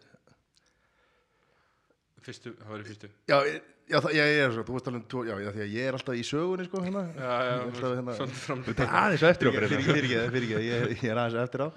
En, já, ég, sko, já, það var 2009 sem að, sem að, hérna, í fyrstu manníunni, þegar þú byrjar þá aftur í, í knassbytunni eftir fimm ára hlýje Mhm. og ætlaði bara að rúlaði beint í pepsitildina. Já, ég, ég fór á breyðarblik fjölni annan júli 2009, það var 0-0 og, og 0-0 jafntefli og bara mjög bræðduft og ég bara áhörundur og vini minni það voru bara svona líkuðu með tárinu og með máttleysi liðsins og þannig, að- ég fæ símanúmeri hjá Óla Kristjáns þjálfara og og en, en hérna Addi Bill aðstöðþjálfari ráðlaði mér að ringja hann daginn eftir bara ekki ringja hann saman kvöld og lilu leikur þannig að ég ringdi hann hátið daginn eftir og segi sæll sæll, blessaður Óli. Eh, Kristi Rúnar hérna markakongur á sjálfmótinu 98 uh, ég var leiknum í gær bara rosalega bræðdöft og, og allir bara ótrúlega ónæmen leik. Uh, ég er markaskorari ég get, ég get rettað þessu, ég get komið sér lag. Það er bara svona mikil jú, maður er kannski með allir lega samfærgarkraft venjulega en þarna er það svona ekstra mikil hann var bara spenntur að hitta mig og segja mér að koma bara æfinguna klukkan 5 og, ég mæti og, og hitti nokkra gamla blikastrákar sem að sögðu mér að veru ánæðir að fái tressan í klefan eins og þeir orðuðu það. Og og hann kynni mig bara fyrir liðinu þannig, strax og segir mér að mæta aftur á morgun og kaupa mér bara betri skó. og ég er náttúrulega að teka hann á orðinu og kaupa mér tvenn pura bestu gerð á, á hérna, eitthvað 60-70 skall það er ekkert efn á því en ég ja, vissi að ég verði að fara að skora tíu mörg á þessu hálfa tímbili sem ég var eftir og svo er ég vantilega seldu til United sem svona artaki Ronaldo og, og spilaði við hliðin á Rúni og, og það er hringt í pappa hana, um kvöldi og pappi er heiðusbliki sem er aðeista viðkynning sem hún fær því á félaginu og það var sér formaði meistrarlósráðs Karla uh, Óli Björns sem að hringir í hann og segir að það sé eitthvað skrítið í gangi með strákin hann get ekki lappa svona inn í liði bara sí svona. Þannig að við förum í, í höfustöðunar daginn eftir smáran uh, home of football eða ekki? Held ekki, en ok. og, og já, við förum á fund og Óli, Óli Björns segir mér að að ég þurfa að byrja með augnablík sem var mikill skellur að heyra þriðudeldin og ég sagði hann um að að, ég meina, ef ég skora fullt af mörgum og verð góður þá er ég tekið beintinni í blíkaliðir ég veit alveg hvernig það virkar. Hann sagði já, bara hárétt hjá þér ég ætla ekki að ég ætla ekki að við fengið það, það er bara hárétt og þannig að við fyrum uh, út og þetta er svona svolítið svolítið leðilegt að ég fer á unglabliðsæðingu og er allt, bara ágættur en ek ekkert í ykkur pepsi standi en líka svo verð þreyttur fljótt vegna þess að ég var ekkert að fara í djúpsöfn þannig að ég var bara alltaf að sofa 2-3 tíma og það er hérna háka á breyðarblik uh, 30. júli og þetta var svona heimalegur háka en þau deildu kópásölli og þetta var 16. úrslit vísabyggasins og ég er ekkert búinn að sætta mig við það að fá ekki að spila hennar leik sko, þó ég sé ekki búinn að ná fullir æfingu og, og hérna ég fer á, á fund, eða ég bara banka hjá frangvæntistjórun sem að var þá Svafa Jósefsson. Og ég segi það, heyrðu, ég vil bara að þú komir því í kring að ég fá að spila hennar leik. Veist, ég er bara komin í boltan aftur og vil bara fá að spila hennar leik. Og hann á móti stórveldinu. Já, að hvernig fór Nei, er, þú alltaf að fara með þessu og hann segir við mig ég, ég held nú að ég get ekki plugga því að þú getur spilað hennar leik með svo stuttum fyrirvara og ég segi það við hann já það verða allavega engir helvítis hákafánar hérna fyrir þann og það verður bara allt grænt þó að það verður heimaleikur háká Já, þannig að ég fer út og, og hérna að, fer að undirbúa það og ég held að bara þann daginn hafi ég farið að samþýtta við pappa að fara inn á dild eða þess að fara og hitta lækni. Hann sagði að þú orðinn mjög ólíkur sjálfur. Uh, ef að læknir segir að þú sitt í lægi þá vinnur þú bara þessar raugræður hérna en ef hann segir að þetta ekki góður þá fylgjum við hans fyrirmælum. Og og já, eins og ég segja að sagði á hann að þá tjáður með það að ég sé manni og hvort ég sé til að koma með honum aðeins. Og um leið og hurðin lokaðist og þá var komið á mig nöðungavistun þannig að hann plataði mig sem að hann til David Bjarnason nefndan í bókinni. Mhm. verið til að taka kaffibólla með hann sinna Já. en um leið og hurðin lokast þá komið á mig sem að þá tveggja daga nöðungavistun sem er núna þryggja daga og þá uh, setti þetta auka dag bara til að gefa sér rými um að koma sér þryggja vikna í kring. Og já og ég sé það að ég er líklega ekki að fá að fara á hana leik Mhm. þar sem að Guðmundur Pétursson skýtur mínu mönnum í áttalega úslitin og En Þetta er náttúrulega stór leikur og sérstaklega stór leikur, sko. bliki og, og, hákaðangur þá var þetta alltaf risa leikur og, ég var í stuðblíkonum Mhm. og hérna 2007-2009 var bara geggja í stúkunni, alveg geggja sko og að missa þessar leik var bara svo að missa United Liverpool fyrir, fyrir púlara United mann sko og Mhm. ég segi bara, heyrðu, ég vil fá að fara á leik pappi fyrir með mér og ég kem tilbaka aftur sem hefur kannski ekkert verið líklegt eftir sigurinn sko en það er ekki tekið í mál og, og ég hérna ég reyni að komast út úr gluggan og reyna að brjóta hann upp en það er ekki hægt þannig að það er bara ágætil það er bara þannig er, er það sett upp, það er ekki hægt að brjóta rúður eða, eða, eða komast í gegnum hurðar og það kemur á mig varnateimi og segir að ég verð að róa mig niður annarkvæmt að taka einn ein, ein lif eða ég sé sprötaði niður. Og ég segi bara ég tek engin, engin, engin auka skamt að livjum hérna, ég er búin að fá nógu mikið og þá segir hann Kallkinn sjúka hann var með mér í val þessi strákur að ég verð að taka já, ég verð að taka, taka eitthvað og ég segi nei og þá er í raun og veru bara í sex menn og það þurfti fimm menn á mig til að halda mig niðri. Og, og ég er ágætlega hraustu fyrir en, en ég er svona sinnum þrýr þarna. Líka í reyðinni og bara svona svolítið styrlun að, að já þessi fimm menn sem halda mig niður á með þess að sjötti sprauta mig í vöðva.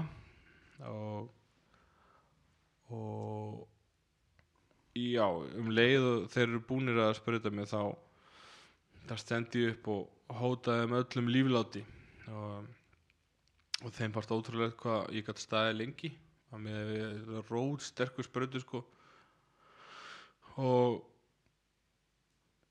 já, ég negli já, ég ne- negli hérna rúmskapl og, og hérna og enda upp í rúmi bara með klaka póka á mörgum stöðum líkamanns þetta var það mikil átök og, En Hvað, er þetta ekki, er ekki svakalegt sjokka það sé, þú veist, hvað, fjóri, fimm, sex gæjar að ráðast á þig hann með sprautu og þetta er bara eitt af, versta sem þetta gera þetta er náttúrulega þvingun og ofbeldi og, og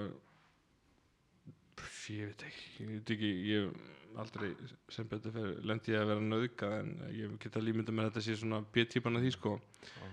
og, og setur ennþá í mér hvernig þetta var gert og já, ég sé og á þessum þrem, þrem vikum og þá er, er mér gefið ros, eh, þessi sprauta pluss hérna, 600 milligram af Seroquel á dag uh, og Seroquel er rosalega stert líf það eigur matalist, stöðlar framdagsleysi og slekkur í lífsviljan. Og ég var á 600 milligram af þessu í, í alveg mánuð. Og þegar ég kem inn á deildinni í lók júli þá er ég 98 kíló. Ef ég er í kringum 100 kíló ég er bara þannig byggður að þá er ég í hörku formi. Og um jólin 2009, fjórum mánuðum setna uh, já, rúmi fjórum mánuðum að þá er ég 120 kíló þannig að það var bara slökk á mér og ég er verið ennþá að jafna mig eftir þessa innlögn því að hún var svo brútal og var svo mikið líf og var svo sprauta og að ég hef til dæmis ekki jafn mikið brennandi áhuga á fótbolta og ég hafði. Þú veist ég lifi með því að missa leikjum. Á, fyrir þennan tíma þá var ég mættur í stúkuna og, og dressaði mig fyrir United leiki þetta var bara tekið teki af mér sko. Og þetta er svona komið með, aðeins með árunum en ekki svo að var sko. En þetta er þá hérna þetta er fyrsta innulun þannig að það er hinnar eftir þetta hafa verið þá hvað, mannúðlegri, segir maður það? Þetta verið svona aðeins Já, ég fengi það í gegn að fá ekkert að sér okkur lif ég bæði, ég meina slekkur lífsviljan sko. vill einhver slekka lífsviljan er það bara já, hann ég, sko, ef þú pröfar að taka 600 milligunum á dag kannski í viku. Þú myndir heldur þingjast um svona 5 kíló. Af því að ég, ef ég, ég á þetta lif og ef ég fyrir í algjörna vítarhing með svefnin og þarf 12 tíma svefn Mhm. tek kannski 25 milligram litla töflu sem er hvað 1.24 af 600 milligramum þá uh, steinsopna ég og svo vakna ég eftir svona 6 tíma og þá negli ég öllu sem ég á í ískap í mig 2000 kaloríum í einu fyrir svo aftur svo. þannig að þetta, á, þetta lifa á bara ekki að vera Æ, jú, eh, þú veist, það, í svona algjörði vítaring þá er þetta í lagi. Taka eina, eina töflu, eina litla töflu. En að vera á 600 milligramum bara sem skamt þeir mega að setja 1200 milligramum á dag. Já. og þetta segir kannski hvað aðstöðuleysi er mikið að negla bara þessu í fólk. Þannig að þetta er bara þess að halda fólki bara niður í alveg, þú veist, bara úrræðaleysi og svo að setja að geima þau þarna Já, inn á- á við töluðum aðeins um eiglega alheimsvis það þetta er svolítið, svolítið svolítið þessi mennum voru bara gátt ekki hreift sig. Maður var bara slögt í þeim slögt á þeim. Shit. Hvað hérna þú talar aðeins um Mexiko í, í hérna, bókinu, þú fluttir hangað Já, hvað, hérna, á hverju fluttir hangað, hvað varst að gera þar? Hvað, herru, ég hérna kláraði MK á, eins og ég sagði, með tíma og Mhm. Langaði að gera eitthvað eitthvað, eitthvað skemmtilegt. Þú að fara að pissa. Ok, já, langaði að gera eitthvað skemmtilegt eftir MK og ég ætlaði að fara í ár út bara sjá nýja heima og ferðast og hverju Mexiko gamall vinnu e, félagi minn í 10-11 hann bjóð þarna. Og mér langaði að læra spænsku og hann bjóð í litlum bæ sem heitir Guanajuato og þar er eh, skóli sem heitir Escuela Falcón. Og hérna mér langaði að ég vissi að ég verið að fara í örgan bæ og góðan skóla og þannig að ég kýldi á það og fóreldrar mínu voru ekki alveg á því fyrst. Hvað ertu gamall hana? 24 þá ertu búin að fara í tvær, eina manni það er búin að fara eina. Já, já, og já, þetta var bara ótrúlega gaman og engar geðseflur það var nánast frost á nóttinni að fór niður svona 1-3 gráður engin hiti í húsunum svo bara daginn 25 gráður upp í 40 í mæ-júni ég var endar ekki þá þar ég held að bara ég með mitt selspik að ég myndi ekki vilja vera í Mexiko í mæ í 40 gráðum sko Nei. þannig að ég var aðna í september til til mars og hérna og hvað varst að gera? Ég var bara að ferðast og hafa gaman sko. En ég fatt að eftir sjö vikur ég nefndi ekki að vera í þessum skóla lengur. Mér varst það svona svolítið þungur ég tók bara svona fimm leigubíl á dag. Það kostaði 300 krónur íslenskar uh, korter. Og ég fór bara alltaf fram í og bablaði bara við leigubílstjórna krefjandi spurningar oft og bara uh, vildi læra. Já. Þá Ég- spænskuna Já, ég var eiginlega komin með hana. Þetta var svona minn svolítið styrkleiki í skóla tungumál. Mm. og ég var eiginlega bara komin með svona 70% uh, conversation spænsku eftir tvo mánuði sko. Já, varst þá úti í halvt ár, sér það, Já, ég var sjö mánuði. Sjö mánuði Já, ég hérna hafði ekki alveg efna að klára árið. Þannig að það er svo ég er. Ok, svo kemur það heim. Já, og þá þá líða kem í mars og ég fyrir manju í ágúst. Og ég fekk ýmsar hugmyndir þannig í Mexíku sko. Ekkert eitthvað ólöglegar hugmyndir bara, mér fannst þeir keira svo flott að uh, ef þeir fyrst þeir eru 130 miljónir og, og láta þeim fyrir að ganga þá hljótu við að geta það líka. Þeir eru bara á vinstri þeir sem eiga að vera vinstri. Ekkert dól og ekkert verið í símanum og, og hérna ég hugsaði bara, vá hvað eru töff ef Íslendingar myndu keira eitthvað í líkingu við þetta og bara svona eðlileg hugsun en ég reynda að spáði svolítið í þessu þann úti og svo er það þarna ég, svo deyr Robin Williams 11. ágúst 2014 og, og vinkora mín úr, hún Íris úr Kópáskóla setti á Facebook 13. ágúst að nú er þið nú að vera ykkur vitundavækning í landinu að ef ykkur hefði sög að segja þá endilega deila. Og það, Samandið þá þunglitið út af Já, ég var sett búinn að vera í féluleik með mín geðkvör og þunglindi uh, frá 2020-2014 og ég leitaði á þetta sem tækifæri til að Mhm. koma hreint fram, ég var búinn að taka eitthvað skref í Dale Carnegie og svona en, en ég átti stóra skref eftir að segja öllum bara hvað hefði verið í gangi og svona og Heldur að hún hafi verið að benda á þig eða heldur að mér fannst, nei hún var ekki að því en ég tók því bara Mhm. beint Já. til mín og hérna ég fór að skrifa, hugsaði bara þú er mikla sögu að segja og svo strókaði þetta allt út fór svona aðeins að aðeins að skjálfa og bara þetta var svo stórt og ákvað bara að tala alveg frá hjartanu að segja alveg hvernig hlutinir hefði verið. Og það myndi fólk kommenta jafnvel deila og það myndi örglega einhver blaðamaður vilja tala við mig út af því að, þetta var á undan þannig að ég er ekki tapu og út með það. Það var ára undan því þannig að fólk var ekkert að tala um sína andluðu mál.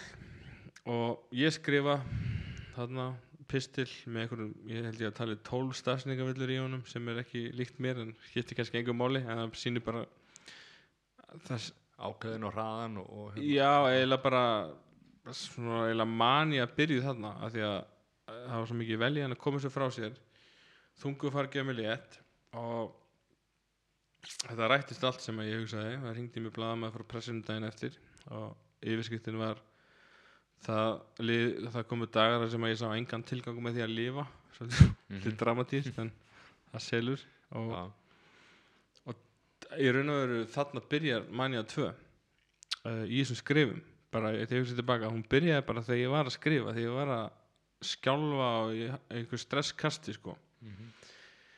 og ég fer svona mér fer svona líða betur bara og þetta er útrúlega veljaðan og hérna svolítið allsælu ástand oft og og það líða þarna eða ég var búinn að skrá mig í enga til að ná í keili og það var einn undirkaflin sem að heiti það að ég var náði einni vinnuhelgi í Maníu í, uh, í keili og og þetta er fjór 13. sem ég skrifa 2007 þá ágúst 2014 þá er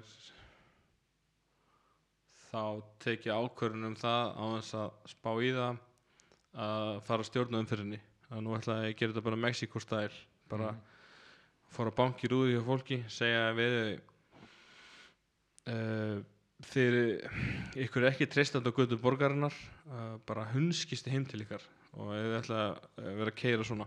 Og það er mjög minnist að þetta er ein gömul kona sem að eldri kona sem að ég banki rúðuna hjá og öskrá og hún- náði ekki að kúpla bíli niður ég segi bara gýrstöngin og stýri hristast og drepur á bílnum og, og hérna fólk ringir í lögguna uh, sé fólk leggja bara på kant ringir í lögguna og hún er komin svona á einhverju fimm mínútum Þetta er alltaf bara á mjög sko rólegum stað þannig bara, bara í smáralindi Já, bara, High já, season, sko. þetta er svona það er fullt af bílum þarna á löggustöðun hliðina sko. Já, hún er ekki langt frá hún er dalveginum Dalveginum, og hérna já, ég, þetta var ekkert planað sko, þetta Nei. bara gerist það snappaði eitthvað í hausnum á mér að koma allt Mexiko dæmið þarna fram og, Mhm. og ég ger þetta bara alltaf trillt og, og þetta, þess að af þessum fimm innlegnum á geðdild og þá er þetta svo innlegg sem að ég gút er að, að hafa mátt mig. Ég var hættilegu sjálfum mér og öðrum. Ég var út á götu og bara beita raungum aðferðum. Og já það allavega á, á hérna félagsgranni að vera handtekinn fyrir umferðarstjórnun. Það er fáið sem eiga það held ég. með þess að tvisasunum Já, af því þetta var ekki fyrsta sinn sem þú stjórnaði umferðinni. Já, en hvað hérna hefur ekki komið til tals að hafa það bara launaskraf hjá lauruglunni fyrst að þú ert að stjórna umferðinni eða?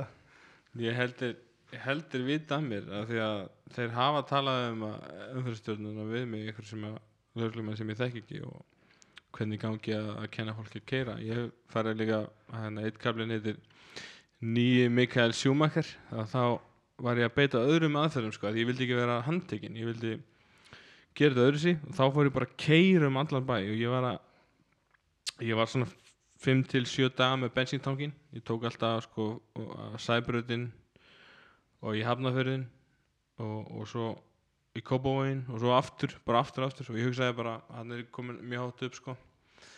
Að ég hugsaði bara því meira sem ég keiri og bara keira og keira og keira, að ringa eftir ring að þá sér fólk hvernig þú keirir að þú veist, þá þá lærir að þig sko. fyrir að herma eftir þér og, og fyrir að haga sér alveg umfyrir Já. það er rétt, skammist ykkar bara. Lærið af, geta sko Það er alltaf óþólandi hvernig fólk hefði sér í þessari umferð sko. Og þetta er alveg rétt skilu ég meina eins og þarna. Já, þetta er alveg rétt skilur þetta er eru svolítið- 350 úr stræður hérna. Við kunum ekki að keyra eins og 100, á- hvað svo, 100, Ég- ég... 100 miljónur manna hérna út í heimi sko. Ég er alveg smá lögga líka þegar ég er að keira Þú veist, ef það er einhver á vinstri að þá gefið honum háaljósið. Ef hann færi þess ekki, þá fer ég á hægri og er alveg hliðin honum og, gerir svona með hendinni þú veist, færðu því á, á hægri maður, hvað er þetta að gera? Já. Já, það er bara svona eðlileg eðlileg líðan sko. Þetta er svo stygt sko. það er svoleiðis hérna, en ok. Það er sjóliðis. Það er sjóleiðis hérna, þú veit með hellinga tattuum á hendinni. Já, þetta er the most meaningful tattoo sleeve of all time. Hún heiti það, Hún heiti það. Ég var með það hashtag á Instagram. Þarf ekki að vera með þarf ekki að láta árita það nefst eða línuna Jó, þetta er svona fyrstu 28 árin ég þarf eiginlega að koma bókinni líka fyrir Já. Svolítið flókin, kannski setja coverið en coverið er samt alveg trubla sko. Setja þetta hérna vindil eða eitthvað okkur. já, Ég vona að Helgi vinur minn, grafiskur hennur í Berlín fái svolítið lof fyrir þessa kápu hún er geggjuð sko. hún er geggjuð Það er bara allt sem að ég nefndi við hann og, og líka hans hugmyndir veist, það er hann að vindillin og, og, og rómflaskan Mhm. af því að í fyrra þú veist, ekkert stórt í bókinni en hún er fast að bara svo töff að sitta að, þegar ég er mjög hátt upp og er að fagna lífinu fagna ákveðum sigurum eh, sem ég held kannski að sé að gerast en er ekki að gerast að þá fæ ég með kópuvundil og vel að rommi í kók. Það er alvöru en hérna eins og fjölskyldan ég meina nú ertu búin að taka ríkala á fjölskylduna og, og hérna, þú veist, ef við förum aðeins inn á það hvað hérna, ég meina ég þekki pappa en ágætlega og svona, skilur og hérna, og fyrir mér bara topp, topp, topp náðangi þú veist, og hérna en hann hann er aldrei sko veist, ég hef aldrei upplifað þú veist, þessi, þessi, hvað maður að segja, þessi ríkalegur áhyggjur og, og hérna, Nei, það er náttúrulega bara þegar þetta er að gerast. Já, he, við erum bara mjög góða vinnur og mjög nánir þegar þetta er ekki í gangi og já. Hann er er ekkert ekki að tekur þetta hann og já, þau. já, hann er ekkert að bera þetta á sér ef þetta er ekki gangi skilur Mm. En, En þú- það hafa verið miklu áreistra við fjölskylduna því að þau þau vilja aðalega pappi vil, vil segja mig til og vil stíga hans að þetta námur hann er náttúrulega Mm. tæpum fjórum áratöfum eldri og þetta er náttúrulega bara rosalega vænt um þykja en, en mér finnst hann ekki að beita alveg nú réttum aðferðum En Gamli hann er- skólinn, sko. Já, gamli skólinn sko. En það kom samt, komið samt á óvart í, í bókina, þú lýsir eins og, eins og eh, var hann nú ekki lengur en, en, en það voru stöðufundir já, voru það sem að, það sem að fjölskyldumæðlimir fengu að fengu hérna kannski að hérna já, að upplýsa um stöðu sína í, þínu ferli. Það voru tvei stöðufundir í annari manninni 2014 og eftir setni stöðufundin uh, fyrst ég var að gera inn í stofu bara hvernig er hann núna, alltaf hvernig er hann núna og eitthvað svona og alltaf ekki nógu góður og þá var ég bara reyður og þetta er sem sagt já, á menningan á 2014 akkurat þarna eins og ég talaði um á með Krissa Haff þeir dagar. Pabbi var búinn að gera svakalega flotta nautaribba í steik og grilla þetta og við ætlum að ég ætla að fá mér og fara svo til Krissa um kvöldi. Og ég sem sagt fæ mér að pabbi kemur bara með 300-400 grama steik á diski minn og ég fæ mér svo sósu og ég fæ mér sósu og held alveg þráðbynd að kjötinu og ég segi við hérna sjáu þetta það, þú sjáu hvernig ég gerði þetta bara þráðbynd yfir eh? það fór ekkert það setlaðist ekki neitt sko. og þá var tekin bara strax stöðufundur sko. og ég seti uppi með eitt bytta og hérna, þau segja öll að ég sé ekki nóg góður og ég segi, ég, nefnir þessu helvítis kæfta ekki lengur hann ó, bara ótrúlega þreyttur á þessum stöðufundum hérna bara yfir, yfir nauta hennar steik í ofunalag bara verði ykkur að góðu og rauk niður með fyrsta bita yfir mér. Og hérna Ingi bróðir kom fljótlega niður sem er svo næstur á eftir mér í, í, í sískinaröðinni og hann spurði hvort þetta þyrfti alltaf að vera svona. Og ég sagði að það er bara erfitt ef það er alltaf að vera að taka einhvern helviti stöðufund á mér og, og hérna, þau ákveðu það að þetta er síðasti stöðufundurinn og við förum í kjölfarið ég og Ingi í Ísbúð Vesturbæjar. Og ég, ég, ég segi henni ef ekki bara fá okkur frískt loft og spila saman og, og gleyma þessu rugli. Og ég segi ja, förum í Ísbúð, Vest, nei, Ísbúð Garðabæjar. Og, og ég ætla að sína þér að kallin er orðin svolítið þekkt nafn á, göttum bæjarins. Og við förum í Ísbúðuna hann var bara spenntur að sjá hvort að það var eitthvað til í mér og Það vissi að það væri ekkert sko. Og, en við förum og þegar við löpum inn þá er verið að sko, þurrka á öllum borðum og fylla á allt í búðinni fylla á alla ávexti og og, ég náttúrulega hugsa bara að það er verið að, að, vera að fylla á að því að kongurinn er mættur. Og við fáum okkur ís og, og svo förum við út. Og hans, hann, Ingi segir ég sá, sá ná engan mun ég sagði bara djöfull ertu ógeðslega heimskur. Sást ekki að það var að vera að stara á mig og það var að vera að fylla á allt og, og þrýfa allt hérna þegar við komum? Og hann, hann hún var alltaf eða hvað ég var kvass og ég er svona baðan afsökunar af því og, og við ákomum að fara svo á skralli um kvöldi hann var þá á lausu sem að gerist nánast aldrei. Hann er búinn að eiga hann er búinn að eiga sjö kærustur á Við erum 13 ekki að fara yfir það hérna. Það er ekki tími í það sko. Það er bara ekki hægt sko. það er ekki hægt. Já, en, hérna, en ok, ef við hérna við förum, förum hérna við allir að fá okkur hérna. Þetta hljómaði ekki við allir að fá okkur kristal, við erum búið kristal. Hérna, já við ætlum ekki að, hérna, að fara yfir alla sögurnar og þú veist, nei. allt þetta, af því við viljum, veist, þetta er frábær lesning. Já, og, og líka sko uh, við hefum eftir að fara náttúrulega yfir, yfir en ég, ég hugsa að við leiðum hlustund nei, hérna, já, leiðum hlustundum að, að- að kaupa bókin og lesa bókina. Hvað er þetta að fá til bókina? dæmis, hérna á- kristirúna.com Kristi Já, Rúnar af því að- svo verður hann í einhverju bókabúðum en, en kristirúna.com er svona persónlegast og skemmtilegast. Já, af því að það eru svo miklir dítelar í bókinni sko, sem að hérna, sem að sem að eh, sko, er svo gaman að lesa og sérstaklega fyrir fólki eins og mig sem að svona, þekkja þetta ekki af eigin af eigin raun Ég held að fólk sem þekkir þetta líka eigin reyðum sé eigi virk, eigi örugglega betra með að lesa þetta, ekki betra með að lesa þetta heldur, eigi sé betra fyrir þau að lesa þetta. mm -hmm. maníu raun yr Já. þetta tala um raun sko Já. þannig að hérna, þetta er ég, ég held að þetta sé líka að þetta sé sko bara Ég, var að hugsa ef, ég má, klára sko.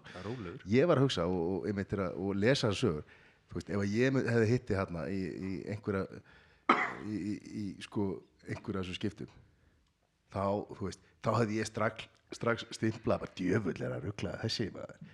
Það er alveg guður veist, ég hef ekki ekki hugsað sko lengra sko, þú veist, ég hef ekki hugsað herri, það getur verið, þú veist. Ekki að segja einhverju maníu, sko, heldur bara svona, jafnvel eins og þú segir, sko, stu, á, á köplum er eins og þú segir á eitulífum eða ert í einhverju svona, einhverju statementi þar skilur eins og, fólk hugsaður ofta ekkert eitthvað andlet sko. Nei, eins og bara eins og með uh, eins og nefndi það með stríbalingin og kommentin í, á vísi í kringu það. Við langar nefnilega aðeins að fara yfir strípalingi það var ekki eitt komment. Þessi er eitthvað eitthvað, eitthvað geðrænt þarna. Mhm. það var ekki, ekki eitt komment. Lastu öll kommentina þar já, ég lasi þetta allt þegar ég setti heimasínu mína í loftið og ég setti ég setti fréttin að þessu strípalingur á austöðli og þetta blandaðist það var sérst verið að taka upp auðlýsing á sama tíma. En sérst ég mæti á, English pub þar sem ég svolítið bý bara í mínu manni. Ég fór einmitt með árið eindag til þeirra. Hvað árið er þetta? þetta er 2015 2015 og Á hvað, hvað, á hvað degi cirka þetta er hvað- lögadagur í hátteginu og ég fór rektinni bara stöttur með ból og stöpusum og fekk mér einn eh, eina ískalda ölkrús. Mhm. og hérna Á English? á English. Og, og ég sé bara að það er 2000 manns þarna á Ístuvelli og fæ að vita það að það er friði nippur að núti og það var maður frá það fyrir allt í gangi í haustum á mig þarna það var maður frá Boston sem að við, við tókum smá spjall bara um Boston og Larry Bird árin og svona og hann spyr mér svo hvað er í gangi úti og ég sagði við hann á þess að blikka auga að það væri að vera að breyta þjóðutjöðdeginum úr 17. júni í 13. júni af því að það væri happatala pappa á mín líka og ég myndi vera að standa upp á sviðu eftir að tala sem nýr fórsetið þjóðarinnar og honum honum fannst það eiginlega bara töff hann var ekkert eitthvað bara are you kidding me? eða eitthvað. Hann fannst það bara töff. Ég veit ekki hvort hann að spila með eða hvað en hérna uh, en já ég fer fljótlega að, að, þetta er ekkert planað ekki bara, ekki neitt, ég vissi ekki af þessu. Og tek hann að tek hann að lappið fram hjá sviðinu að alþingishúsinu. Og þá kemur félagið minn úr kópaunum uh, Jóhann Fannar og ætlar að faðma mig bara að helsa mér og ég segi við hann hérna, ég verð að fá að klára lappið ég heyri ég nú eftir, ég verð að fá að klára þetta. Og hann svona virti það alveg og ég fer svo þarna hjá Jóni Sigurðsni og þar var svona sandur og ég vippaði mér úr öllu og, og var með lappirna svona bara alveg saman en setti þær í sundur bara svona með steinunum og, og hendi svo einhverja pósi sem að ég hef aldrei hendi áður eða mun aldrei sennilega hendi aftur. Og Uppið, uppið stýttuna hana upp í styttun og það er, ég veit ekki hver tók þessa mynd. Ég var svo bara in the zone eins og maður segir. Ég efast um að einhver atvinni ljósmyndar hefur tekið þetta af því að, því að þetta var bara 10-15 sekundur ég held að einhver gangandi vegfærandi tekið þetta og senda á vísi og það, er- það er til óblöruð mynd skilur við einhvers staðar af litla manninum. Ferminga, Fermingabróðurnum en það er samt heldur stóri pixlar á henni sko, þannig að veit ekki alveg hvað það segir.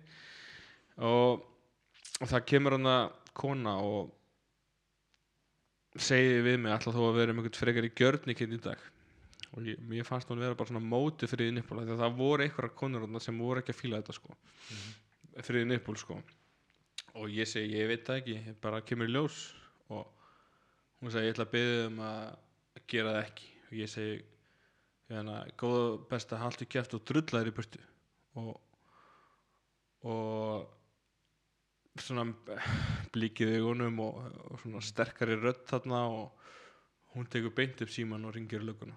Og ég tvisar lendi í þessu að konu hafi konu hafa ringt í lögguna beint það er að alveg direkt sko og Hvað varstu ennþá nakin hana? Varstu Nei, ég var held ég bara 20 sek nakin sko Já, já.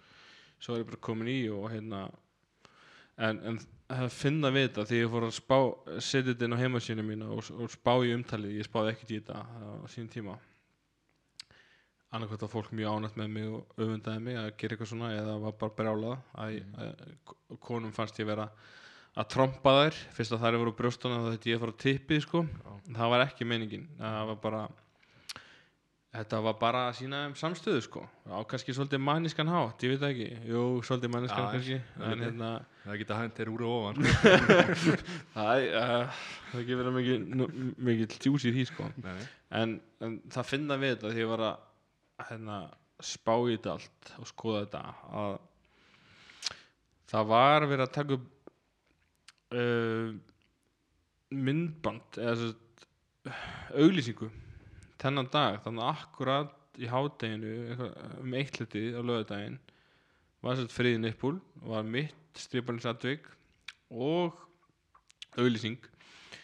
Og auglýsingin var um, um þetta var svo bifriða eiganda auglýsing og það var maður í nektargalla Já, á hjóli. Já, og það var verið að eh, sérst uh, tilgangurinn var að uh, þurfa hjólræðamenn að vera naktir svo þessi tekið eftir þeim. Mhm. og þessir þessir bifriða eigenda auðlýsing þeir sem voru með hana þeir voru búin að tala um lögguna. Segja bara ef það lítur út fyrir að vera einhver nakin maður á hjóli hérna með kameru eftir sér að þá er þetta bara við að taka upp skiluru en það eru tugi manna sem hringi út af mér.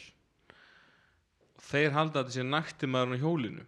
Og, og það, það mixust saman fréttir að maðurinn á hjólinu hafi verið með eitthvað verið með eitthvað svona sokk fyrir kynfærum. Og, og það tók marga tíma að fatta þetta. Og það kom ekki frétt fyrir daginn eftir bara nú hefur komið í ljós að menninni voru tveir að verki. Og að ég var í blika búning með hörbalega aftan á mér og það var verið að ringja út af einhverjum drengi hörbalega ból og því að fólk sá mig náttúrulega eftir á en, en löggan fann mig ekkert en gamall vinni minn úr körfunni Páll Fannar Helgason var hérna e, lauruglumæður og við vorum saman byggamistrar e, 2006 og hann undir lokin var búinn að fatta að þetta veri ég. að bara hörbalæfið og, og hérna umfyrirstjórnun ári áður og og hann kemur svo á Ingolstorg mér fannst það mín köllin að fara þanga það var eitthvað tengt Guðnabróður hann var einn fremsti hjólabretta maður landsins einn af þessum sennilega bara fyrsti pro-skater landsins. Mér fannst um, eitthvað tilgangur að vera þar að mynda eitthvað brettasjó og fullt af gömlu vinnum að skuðna þarna og vissi ekki alveg hvað væri í gangi sko. þá kemur löggan tveir löglu þennan og ég er nýbúin að ríða mig úr ofan bara á ofan sko að það er með andlitsmynda Guðnabróður á bakinu og, textan sem ég let gera á Bindorm. Og be- brest í grát og eitthvað bara svona svaka tilfinninga sko og þá kemur löggan að Palli og, og einhver annar. Þeir bara leiða minn í bíl þeir handtaka mig ekkert og spurja mig hvað ég vilji gera ég segi bara fara heim og hérna Palli, Palli segi við mig hérna það gammal félagi skríti, skrítnur aðstæður svolítið. Hann segir, hérna, ertu á einhverju livjum eh, að- hann var ekki að spyrja til að skipta sig að hann vildi bara vita hvort ég geti bara svona þeirra menn þeirra meðendöldalösi, þú veist, hvað þetta er fósitin skilur Mhm. hvort þú sést með rænu. Að hann spyrir mig á hvað lifið mér og, og ég segi eh, hann segir, ertu á lifið mér? ég segi, já, ég er á lifið hann segir, getur þú nefnt mér allavega neitt og hann seg- ég segi, já, það er hérna klórprómasín sem er elsta geðlif allra tíma og kannski svolítið flókið að bera fram og hvað þá að skrifa það sko. og hann sprakk úr hlátri, hann held ég að vera að grínast í sig sko, held ég að vera að grilla í sig og hérna en, en við ég hjálpa hann að stafa það niður. Og við fyrir svo heim og ég fæ mér ég frétti það nú setna þeir eru bara fara í næstu göttu sko og vita að það var eitthvað meira í vendum og ég fer heim fæ mér dyrransegina þar sem að fóruldrar minn er heima og það er mikil umferð niður dyrrans vegin um, og ég fæ mér köku og mjólk dagins til að hlaða batterín og fer svo í pottin maður, maður slakar ekkert á í þessu ástandi það er alltaf eitthvað um að vera og ég var að taka eitthvað æfingar í pottinum að, að, hérna, að, svona eh, hraða fótavinnu og eitthvað en svo fer ég að spá í umferðin aftur því að hún liggur hann niður bara allan daginn og en ég lærði af árun á undan að ég fór ekki út á götu en ég var í, í sundskilinni eða stöðbjörnum og var bara á grasinu rétt hjá að húskamma fólk hérna, hvern anskot að vera að gera hérna, sennilega enginn þennan lögadaginn að spá ég því á dyrnansveginum mm. Og sýsti mín Ragnhildur keiri þetta niður og fyrir eitthvað að spjalla við mig eða reyna það og ég segi við hana bara hvað er aðeins, þú ert þú ert hérna hérinn, þú ert leiðtógin áfram með því maður. Og og lögg, ég sé lögguna hana hún er eitthvað að reyna að tala um mig og ég segi bara "Þú veist, hvað er að gera, ég er ekkert búin að gera mér bara farið fari frá mér. Og, og eftir smá tíma þá þá kom byggi lögga og máur minn Davíð, hann vissi það að því að ég er svona fylgist mikið með fjölmjölum og svona, hann vissi að þetta er eitthvað gott uh, góð áhrif af mig. Og hann kemur og býður góðan daginn og ég segi nei, blessaði byggi minn. Hvað segir þú, hvað er að þetta þér? Bara eins og það var gammal frendi sko. Og bara eftir svona mínúti spjall þá legg, leggst ég á, á magan og leifunum að handtaka mig sem að var nú eiginlega minn þörf á en ég var nú komið svolítið út fyrir normið. Og Davíð máurinn er svo í stórt handklæði til að fela handjáttin þannig að það var bara eins og ég verið að koma úr sundi þannig upp á deild. Ég veit ekki hvort það er margir komið stuppur svona með einum fara upp á deild sko. Þannig að þetta eru búið að vera svaka svaka raunir ef maður má segja það. Já, það er bara svona En Hvað er hef, raunir? Mann í raunir, já. Hefur alveg, húmor fyrir þessu líka eða hvernig, þú veist, ég meina Hvað hva finnst þér? Já, Já, Ég annars væri ég ekki búinn að skrifa þetta ef ég væri eitthvað inn í mér skilur þá væri ekki þetta 320 blaðsina bóki veist. En ég meina það eru fáið sem að, sem að muna og, og vita og þú veist, þú veist með brjála minni sko. Já, þetta, þetta verður alltaf verið minn svona helsti eigin leiki þó að þetta getur líka verið svolítið smá kvöl, skilur að muna allt, þú getur ekki lagst á kottan bara á glemt hlutum og, og ég verð stundum að passa með að vera ekki svona pínu um, hvað kallaði ég aftur? Svona uh, svona freaky memory eða svona það sem þú veist hluti sem átti ekki að vita. Mhm. eins og eh, ef ykkur segir eitthvað fyrir tíu árum og þú rifjar upp. Já, já. Ertu alveg þar? já, já. Og eh, hérna Það Pétur Pétur Freyðrik Sigursson uh, a.k.a. Skriðdrekin hann var svo stór og þungur þegar hann var 11 ára í körfunni hann bara bakkaði með niður og lagði boltan honni að ég hitt hann fyrir tveimur árum og ég sagði við hann var, var ekki með hitt hann í nokkur ár og ég sagði við hann hérna eh, við vorum í körfiðan í Snælandsskóla og þú íttir eitthvað í mér og varst eitthvað pyrraður nei, það er tíu ár síðan kriti, hvað hvernig á ég að muna það svo voru, fórum á djamið um kvöldi og hann sagði við mig, ég veit ekki hvort ég bara get sagt þetta, þetta verður bara ódöðlegt og þetta límist í heilan á þér. Þannig að ég veit ekki hvort ég að segja þetta. Uh, já, þetta ég, uh, ég held hann hafi ekki sagt mér en, en ég segi í bókinni að ég muni svona 98% af því sem að gerist í manjum það hefur gæst að, að það hefur verið rifið upp fyrir mér eitthvað en, en það er bara mjög sjálfgeft og og það sé svona já, náttúrulega ástæðan fyrir að ég get skrifað þessa bók ég mani þetta allt. Margir hérna vakna bara á vondu draumi, búin að eða 10 miljónum eða gera eitthvað skandal að sér vakna bara eins og blackout að drikkja og dópi sko. En Ég sé- ég- við, við erum mjög heppin hann að þú sért minnur og munir þetta og, og þannig að sé þetta aðeins að komast inn í huga fólk sem að lendir í þessu. Þetta er svona kostur og galli að muna allt sko. Já. það er bara, en hérna svona loka spurning, hvað hérna þú veist, hvað viltu hvað viltu að breytist í, í hérna hvað heitir þetta? Í, í, í hérna geðheilbiliskerfinu Ég las þið hann af frendi uh, ég spurði það þessi fyrir tíu ára síðan. Ættamöndinu hérna, hvað er það, fjórar og fyrsti en það er bara svo margt sem það er að breytast. Það er umtlað, ég ætla nú að gefa hluta ágóðans uh, sem vonandi verður á bókinni að til bráðagetildar 30 og gera eitthvað gott fyrir þau. En það verður algjör til líka skítið með það sem þarf. Það þarf bara nýja deild og meiri peninga inn. Þú ert að selja þessa bók allt og ódýrt ef þú ætlar að fara, fara að gefa einhverja peninga í, í hérna. Ég þarf náttúrulega að vera átýran bókabúðna sko. Já, en uh, það, það er líka betri geðlegna og þurfum að yngju er svo mikið bara livjalegnar sem að kunni ekki mæli samskipti. Eða svona margir aðeim allavega. Bara dæla, dæla, dæla livjum sko. Ég hef alveg farið í manju á sex mismöndi livjum þannig að það var blöyt og, og köld og skítu uh, tuska framan í gamla geðlegni minn. Uh, en núna er ég bara á tveimur freka vægum lífum að þau getur unnið á móti þér. En já, þau eru nýja, nýjar og betri geteldir, þetta er allt sprungið það er miklur hana og, og það, það sem ég hef líka stungið upp á veist, ef ég ætti einhverja miljónir þá var ég lungu búin að reyna að að setja ringstiga að náta svalir. Þannig að það sé bara að fara með starfsmanni út þannig að fyrir að labbi gegnum þrjár hurðar og, og hérna eins og sér morðingi sko. Það er farið með tveir út stundum sko. Já, ok. bara hérna og ég fór eins og já þegar ég leka á starfsmenni hana með að fá að fara út þá voru tveir með mér. Og annar fór á undan niður og hann sagði hann sagði hann er við erum að koma núna passa hann að taka ekki sprettun út gangin og hann er mikið tröst í gangi sko. En já það vantar hingstíðan bara hafa þetta svolítið meira meira jolly sko og manni líður oft eins og maður sé í einangrun eða gestaveraldandi inni sko. Mismikla reglur.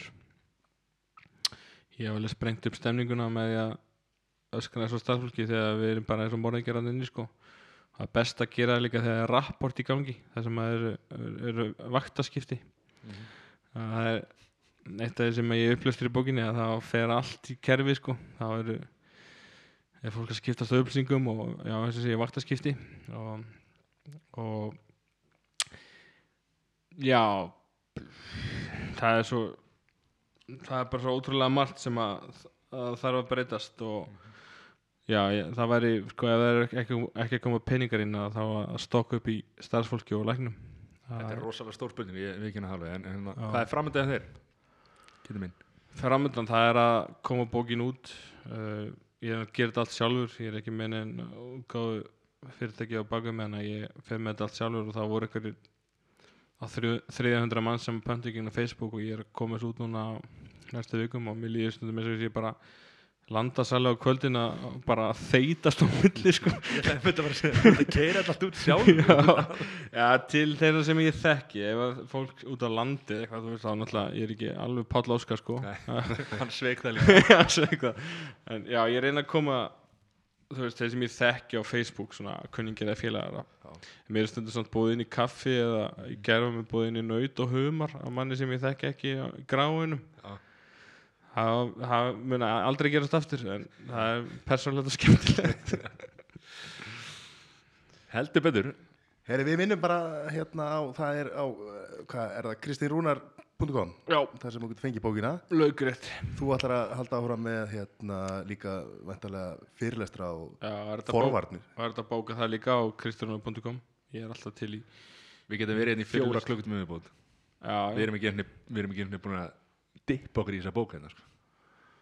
Nei, það er líka fyrir fólk að kaupa bókina og, og, og lesa það sko. má ekki spóila öllu? Já. Nei. Heldur betur ekki. Heyrðu, krytti,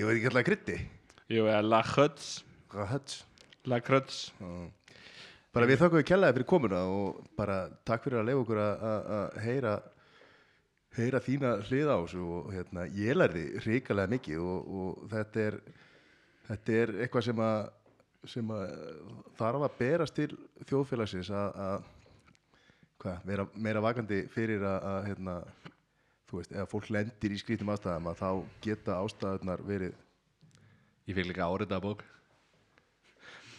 Þú ætlar að selja þessa? Nei, ég sé beint á eBay. Ha, 700 dollars. Heyri, takk, takk að kjallaði fyrir komuna miljón þakki fyrir að fá mér strákar. Já. Fyrsta mál. Takk fyrir.